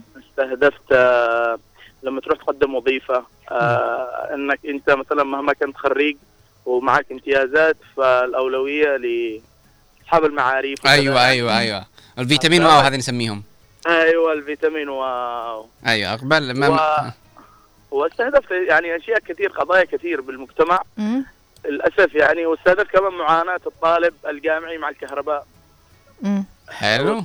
أيوه هذه قضية جدا شائكة. شائكة الطالب جداً، أيوة. يدرس مم. يدرس يعني يروح ينخمد بالكهرباء. والله. صح والله. أيوة. يسيح كل المعلومات يسيح المعلومات كامل أي والله. أي والله. أقبل ما تناقش كمان قضية ال- ال- الجوازات. لأنه في مشكلة لا حاصلة. طيب ال- الموضوع الآن اللي اللي أنت ماشي عليه نهج إنه بتسوي كل يعني معك موعد محدد إنك تسوي فيديوهات ولا إنه كل ما جاتك فكرة سويت فيديو؟ والله هي عمدك يعني اعتمد على ال- ال- الترند الماشي هذا أول شيء. ثاني. شيء إنه يعني أشوف أنا لأن أنا امشي بالشارع أشوف قضايا الناس. حلو. صحيح. وأحاول إن أنا أستقطبهم بس بطريقة زي ما قلت لك كوميديات. وعلى الموضوع لا شوف بقول لك شيء. الموضوع لما يكون بدقيقة أو أقل مم. موضوع صعب جدا إنك توصل فكرة. فعلا فعلا. فعلا. أيوه يعني متعب جدا إنك توصل فكرة بدقيقة أو 30 ثانية فترهق نفسك. صحيح. أحمد. تلم الموضوع بدقيقة. أحمد طبعا بما إنك أنت ذكرت إنه الموضوع متعب كذا إيش الصعوبات اللي واجهتك أثناء تنفيذ هذه آه، السكتشات؟ اولا طبعا اللوكيشنات مش لوكيشنات كثير يعني. بالبلاد يعني. تتعب تتعب. يعني أنا أصور ببيتي. أغلب الفيديوهات والبيت كهرباء طافي ما فيش معنا الإمكانيات المتاحة إن إحنا نصلح أعمال خارقة مم. فهذا أول شيء ثاني شيء آه الشعب نفسه مش متقبل فكرة إن أنا بصلح فيديو مم. لما امشي أصور مثلا حتى اصور بجوال أو أي ما هذا صور. يصور إيش معه أيوه إيش شايف نفسه، أيوة، للصور فاهم عليك. للصور البنات آه، ففكرته الفكرة عدم ما وصلت لهمش. كفيديوهات. للأسف يعني وكثير حاجات. يعني من ضمنها كمان ما تلاقيش ناس أو اللي يجوا يساعدوك بالتمثيل أحيانا آه، يعني مشي حالك كذا. يعني مش إنه شخص بيشتي عنده كمان نفس الهدف اللي أنت يكون موجود معك. فيتعبك بالموضوع ده. فعلا آه، اذا محمد آه، نحن أنا دائما أتابع فيديوهاتك ودائما أعلق عليك ودائما الشرف والله. آه طبعا أشوف إنه أنا دائما أقول لك أنت موهبة كبيرة إذا صقلت وإذا أعطت مجال إنه ممكن إنك أنت تعمل أشياء كبيرة وحاجات حلوة وتكون يعني اسم كبير في الوطن. إن شاء الله. فأنت أنت حابب إنك توصل رسالة عبر هذا برنامجنا لأي حد؟ أمامك يعني آه والله الشاشة أنا- أنا- والمايك أنا رسالتي لل- للشباب يعني إنه لا يأسوش ويكون عندهم هدف. وطموح علشان يوصلوا له وأي شخص عنده هدف بيوصل له. يعني مهما كانت الظروف ومهما كانت ظروف البلاد بتوصل له بتوصل له فعلا. يعني أنا كان في البداية آه، أنا يعني قبل أيام تقريبا آه، اشتغلت في أو أخذت دورة في المسرح. في معهد جميل غانم و... وكان في عندي رهبة بالمسرح فوبيا قوية إنه المسرح هذا كيف بوقف أمام الجمهور صحيح. في فرق في فرق أيوة، بين تمثيل أيوة، بالكاميرا. عن المسرح أيوه مم. فأخذت الخطوة دي والحمد لله تخرجت بامتياز وشفت الموضوع بسيط مم. حتى إن أنا جربت تجربة التقديم وشفت موضوع مش صعب مم. كان أول مرة أقدم بحفل فكان ما فيش معهم أحد قالوا لي كيف بتقدم؟ قلنا لهم يلا أوكي مش مشكلة حلو بنخوض تجربات. جديدة يعني جربت أشياء تعرف جديدة. إيش الشيء الحلو فيك إنك الشخص اللي يقول آه okay I don't care give it to me. يعني خلاص إنه ما فيش أي حاجة ممكن آه، مستحيل. آه، يعني ما فيش حاجة صعبة. يعني كأنك تقول لم يخلق الإنسان متعلم. أنت بتعلم كده ولا أكيد كده؟ أكيد أكيد والإنسان آه، يعلم نفسه بنفسه. أيوه. ما فيش اللي اللي متردد عمره ما- ما بيوصل لأي مستوى. إحنا نتكلم بشكل عام سواء كان بالمجال اللي أنت فيه أو أي مجال آخر. طالما الشخص لو تقول له مثلا بتفعل كذا يقول آه ما أدريش كيف يمكن يجي يمكن بس قول له okay هات بجرب. يعني أنت بالنهايه كذا ولا كذا جرب إذا نفع استمر إذا ما نفعش ما نفعش أوكي الله عادي. ما فيش. أحمد إيش الخطط المستقبلية اللي أنت حابب إنك تعملها أو لنفسك تنوي إنك تصيرها؟ والله حاليا أنا كذا مجهز كذا عمل على السنة الجاية إن شاء الله. ومع عدة جهات وكمان كاتب أنا حوالي أربع أفلام وهذه مجهزة دي لما ألاقي مم. آه، كاتب ثلاثة أفلام قصيرة وفيلم سينمائي. بس آه، مؤجل له لين ما ألاقي الجهة المناسبة اللي بتدعم الموضوع ده. هل- هل بحث- برضو قضايا. هل بحثت عن جهات داعمة آه، قدمت آه، يعني مقترحاتك لناس ممكن إنها تدعمك؟ والله شوفي بالنسبة لده الموضوع قلت لك إنه للأسف تجارنا أو الجهات الداعمة مش مؤمنين بفكرة السينما أو مش مؤمنين بفكرة الفيديوهات أو كذا. مم. لا هم يقول لك أنا اشتي ربح. يا أخي طيب الموضوع هادف. أنت ممكن تغير فكر مجتمع كامل. صح. يقول لك لا أنا اشتي فلوس. إيش بيعود لي؟ والجهات ضروري تتبع آه نمطها الجهات اللي أنت بتروح تدعمها. وفي جهات في جهات يعني تتجاوب معي الصراحة يعني خاصة الأمانة العامة في المجلس الانتقالي الجنوبي. يعني تتفاهم معي جدا وتحب المواضيع دي إنه نحن بندعمها بكذا وإن شاء الله في أعمال قادمة معاهم إن شاء الله في بإذن الله. بإذن الله. إن شاء الله يعني في ناس تلاقي الناس, تفكيرهم الناس اللي. تؤمن فيك وتؤمن بما تقدمه. نحن صراحة مؤمنين فيك ومؤمنين إنه آه، بيطلع منك أشياء جميلة وأنا أشوفك بتكون نجم كبير صراحة. الله يسعدك هذا اللي أنا. أشوفه. إن شاء الله. وأنا لي الشرف إن أنا طلعت معاكم في البرنامج. واسعدني اللقاء والله. نحن لنا الشرف أيضا ومبسوطين في تواجدك معنا. آه، أحمد آه، كلمة أخيرة حابب أنك توجهها؟ والله الكلمة إنه يا جماعة اهتموا بعنصر الشباب. الشباب هذا عماد الوطن. إذا أنت ما اهتمتش بعنصر الشباب. ممكن يعود عليك سلبا. صحيح. لأنه الشباب إذا ما احتويتوش آه، ممكن يروح جهات للأسف يعني انخرط معاهم وتجي المو... ويجي الموضوع على راسك زي ما يقولوا بال- أيوة. باللهجة الدارجة أيوه, أيوة. فحاولوا إنكم تهتموا تخطبوهم تشوفوا أفكارهم تشوفوا إبداعاتهم. في شباب جدا مبدع في شباب جدا مش بس بالموضوع التمثيل ممكن موضوع ابتكارات ممكن موضوع ممكن يغير لك من حال إلى حال. بس للأسف نحن مش مهتمين بالجانب ده. وكل اهتماماتنا يعني أشياء ثانية غير موضوع الشباب. صحيح انت تهتموا بالشباب اذا. اذا أنت مح- يا أحمد شايف إنه آه، آه، ال- الفيديوهات ال- ذات المحتوى ال- المهم لها أثر كبير في المجتمع. أكيد أكيد. وفي ناس وفي ناس يعني آه، في ناس يقابلهم يعني يمدحونا جدا وفي الاقي انتقادات بناءة. أكيد. فحاول أنا اصحح أيوه. يعني كأنها رسالة تقولها للشباب إنه كذا ولا كذا بتلاقي انتقادات. حتى لو كان عملك أيوة، افضل أيوة. عمل بالتاريخ بتلاقي انتقادات. أيوه أكيد الانتقادات هذه لابد منها. مم. هذا شيء أساسي إنك أنت بس أنت كيف تحول الانتقاد؟ أيوه إلى إصلاح لك. أيوه. صحيح سلم للنجاة.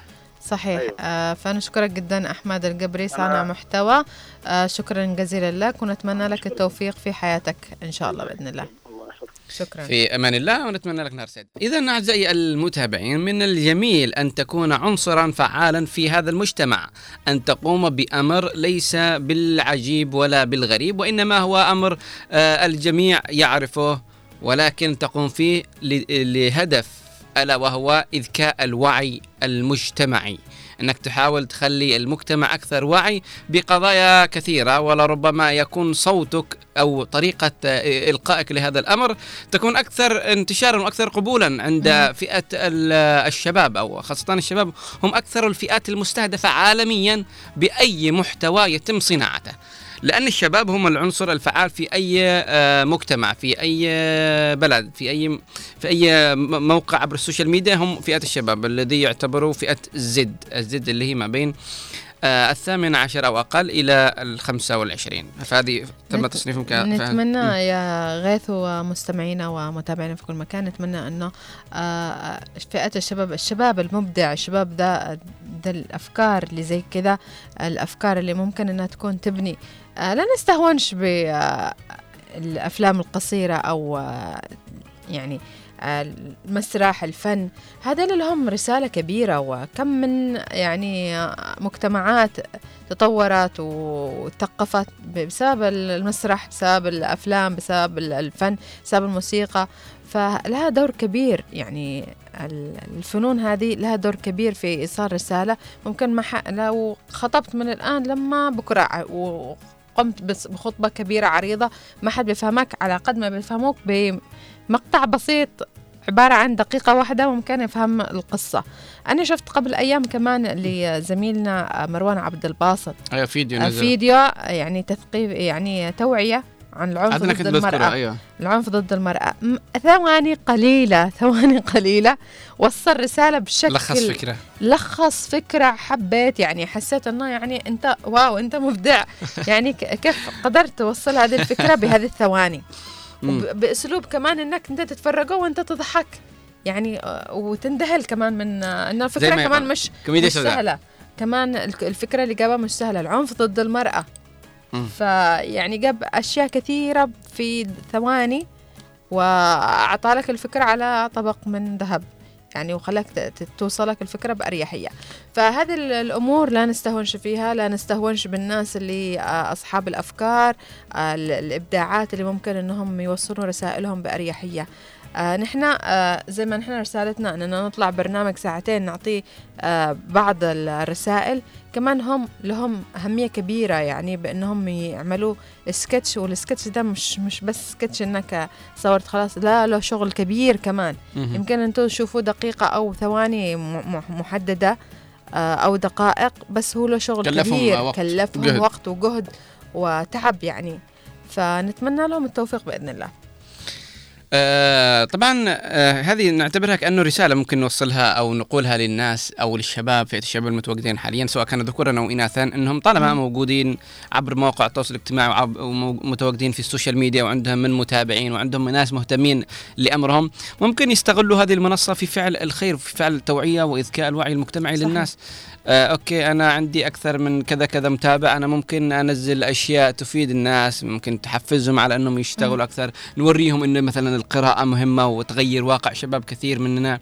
نوريهم إنه دعمنا مثلا لقضية فلسطين أو ان إحنا ما نتغاضاش عنها. ممكن هذا. يحدث فرق.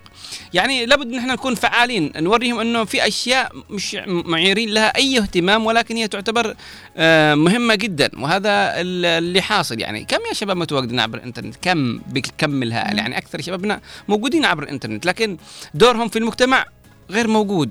طب ممكن نعزز هذا الأمر من خلال ال social media من خلال التواصل الاجتماعي؟ أيوة يعني بما أن ال social media متاحة لكل الناس فليش نخليها بس فقط لل... للكلام والتعليقات و... والمنشورات اللي يعني الغير مهمة أو المنشورات اللي ممكن نعمل فيها تحريض بين م. أو أننا نفسد فيها في, آه، في الناس. لكن خلينا نكرس نشوف إيش داخلتنا إيش ال- الهدف. أنا وجدت يعني الله أعطانا موهبة معينة موهبة التمثيل مثلا أو موهبة آه، أني أكتب أفكار أو عندي أفكار آه، حلوة يعني مش قادرة أكتبها بس بقولها لحد يقدر يكتبها مثلا أو بعطيها لحد ممكن ينفذ لي إياها فنحن ممكن نكون زي يعني آه، سلسلة و- نتواصل مع بعض بعض كده. ونحط نعمل أحلى عقد في العالم يعني سلام. وأحلى عمل في العالم فنحن لازم نكون يعني شباب آه، مبدع شباب له قيمة في المجتمع. نقول والله نحن خلقنا عشان ننجز عشان يكون لنا رسالة يعني نوصلها للمجتمع نكون ناس يعني آه، ذو قيمة في مجتمعنا. آه، ما فيش أحلى من أنك أنت تشوف إنجازك أمام عينك حتى لو شيء بسيط. صحيح. فأنت أنت شاب أنت لازم تكون يعني مؤثر في المجتمع. أنت ما خلقتش عبث خالص ولا الله جابك في دي الدنيا عشان تكون تخزن أو تركن أو تروح تتمشي أو إنك تنام وتقوم وتصحى فقط. لا أنت لك رسالة ممكن تأديها في حياتك. فأديها صح واشتغل على نفسك وفيد نفسك ومجتمعك أيضا. شعور جميل إنك لما توصل مثلا حي أو تروح عند مكان ويشوفوك الله كيف حالك؟ كيف أنت؟ يشوفك شايب يعني يسلم عليك كيف انت؟ كيف أبوك لك برافو عليك. آه، تشعر بشعور جميل جدا إن الناس لما تلاقيك تلاقي بوجهها الضحكه إنها تضحك بوجهك. تستبشر دائما بوجودك وبقدومك. فإنك تستغل هذا الأمر باستغلال يفيد واستغلال حميد آه، أمر آه، يرفع له القبعات إنك okay أنا طالما أنا محبوب بين الناس طالما أنا أسوي أشياء جميلة بين الناس. okay لازم إني أحاول إني أأثر بالناس بشكل أكبر إنك لا تكتفي بهذا الأمر مش إنك تروح آه، تقلد أو تروح آه، تبتعد عن المصداقية لا بالعكس إنك تحاول كمان آه، تخلي الناس يعني مثلا أنا أوكي أنا لما يشوفوني الناس يحسوا براحة ويبتسموا. ويفرحوا طيب معي صديقي آه، مزعج مقلق يجيب الضيق للناس. ليش أنا ما أحاول إني أخليه يختلف آه، يختلف آه، شكله ومظهره ومنظور. الناس؟ له إن أنا أحاول إني اجذبه إلى مساحتي أخليه يصبح أكثر خلقا أكثر ادبا أكثر احتراما للآخرين أك- أقل غضبا. فأنا أحاول إني اجذبه للزون تبعي. فواحد يكون عنده حوله منطقة من الأمان من الراحة أنه الناس تفرح وتستبشر بقدومه أو تعمل الخير. ليش ما يجذب أصحابه إليه إلى هذه المنطقة وإلى هذا اللي قلنا ويخليه ويخليه زيه. فهذا من أحد الأمور المهمة اللي ممكن تسويها. فهذا من أحد الأمور المهمة اللي ممكن تسويها آه، في حياتك كشخص لديه أصدقاء. ويا كثرة الأصدقاء والأصحاب اللي معانا. صحيح يعني عدد. يعني حتى في ظل الأصدقاء مش ضروري إنه أنا أروح أعمل أشياء كبيرة عشان أوصل لناس كثيرة. إذا أنت لك تأثير ولك اللي حولك كفي. يعني اللي حولك في منطقتك في عالمك الخاص مم. كن مؤثر فيه. آه، إذا أنت أثرت فيهم يمكن هم بعدين يأثروا بأشخاص ثانيين وتكون يعني زي ما قلنا زي ال- ال- الحلقات كذا نترابط ببعضنا البعض وتكبر تكبر تكبر الحلقة إلى أن نكون يعني شبابنا كله يعني يكون رائع ويكون له هدف ويكون له رسالة. آه، نتمنى أن إحنا تكون يعني اليوم آه، تكلمنا بالموضوع آه، بالتفصيل وتكلمنا وكمان سلطنا الضوء على شاب من الشباب اللي تبدع وتنجز وتعمل مجهود كبير عشان توصل رسائل بدون أي مقابل. يعني لا هو ينتظر فلوس ولا هو ينتظر ولا يلاقي أي حاجة وإنما هو حابب أنه يكون شخص مؤثر فقط. جميل. فنتمنى يا رب آه، أن الشباب يكونوا أكثر آه، فعالية في هذا المجتمع ويحاولوا أنهم الطيب أو اللي يشوف نفسه إنه كويس يكذب صاحبه يحاول إنه يخليه زيه. يعني اللي يقرأ يخلي لصاحبه اللي ما يقراش إنه يقرأ. اللي يصدق على الناس ويصدق على الفقراء يخلي صاحبه يتصدق زيه. اللي ما يسب يخلي صاحبه يعلمه إنه لا تسب. فلا بد إن إحنا نعلم أصدقائنا إنه لا بد إن إحنا نسوي كذا كذا. وإذا تعاوننا بين الأصدقاء بنغير بأنفسنا ثم نغير بالمجتمع. فالأمر يحتاج إلى تكاتف ليس فقط منك أو منها أو من أي أحد آخر. لا أنت وهو كلكم at the same time. تشتغلوا بنفس الوقت على أشياء محددة وعلى أهداف محددة. آه قد يلاقي البعض إن كلامنا هذا آه لا يودي ولا يجيب لكن بالعكس. آه زي ما قلنا إنه في كثير من الانتقادات ممكن نلاقيها في حياتنا في كثير من الأمور. وأكثر سبيل إحنا إحنا برضو إحنا نلاقي انتقادات كثيرة جدا. أكيد، نلاقي أكيد. كلام سلبي جدا لكن إحنا ما نلفت له. إحنا طالما إحنا عارفين إيش نقدم طالما عارفين إن إحنا آه، نسعد الآخرين نحاول آه، قدر الإمكان نوصل رسائل الآخرين إن إحنا نطلع كل يوم بصباح باكر نتكلم عن معاناة المواطنين ونتكلم عن قضايا المواطنين ونحاول نتكلم عن مبادرات ونحاول نرفع من قيمة البعض آه، اللي يقوم بأعمال خيرية واللي يسووا بأشياء كثيرة. أنا أشعر بالراحة. بالفخر اللي باللي أنا أقدمه. أني أحاول بخدمة المجتمع بالمكان اللي أنا متواجد فيه فهذا أكبر إنجاز ممكن أسويه. مش معناته إني أتوقف هنا لا. معناته إني أنصح فلان وعلان وكلهم هذه اللي حولي إنهم يحاولوا يكونوا زيي أو الأقل يمكن أو بالأحرى إنهم يكونوا أحسن مني. فإحنا ما نوقفش عند حد معين ولا حدود لمجال إبداعنا ولمجال عملنا. فكذا يا أماني مجمل زميلتي العزيزة. وصلنا إلى نهاية حلقتنا. ونتمنى من الكل المستمعين والمشاهدين المتابعين في كل مكان أنهم يكونوا يعني قد استفادوا من ولو حتى جزء بسيط من حلقتنا ونالوا يعني إعجابهم الفقرات اللي قدمناها. فنتمنى لكم يوم جميل مليء بالحب والسعادة والإنجاز بإذن الله. آه كنت معكم من الإعداد والتقديم أنا أماني مجمل.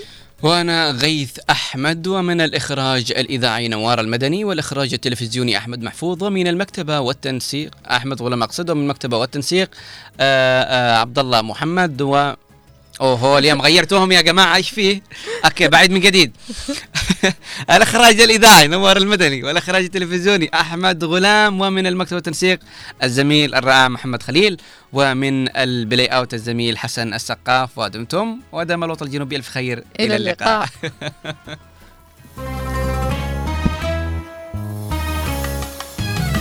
يا حبيبي سعد صباح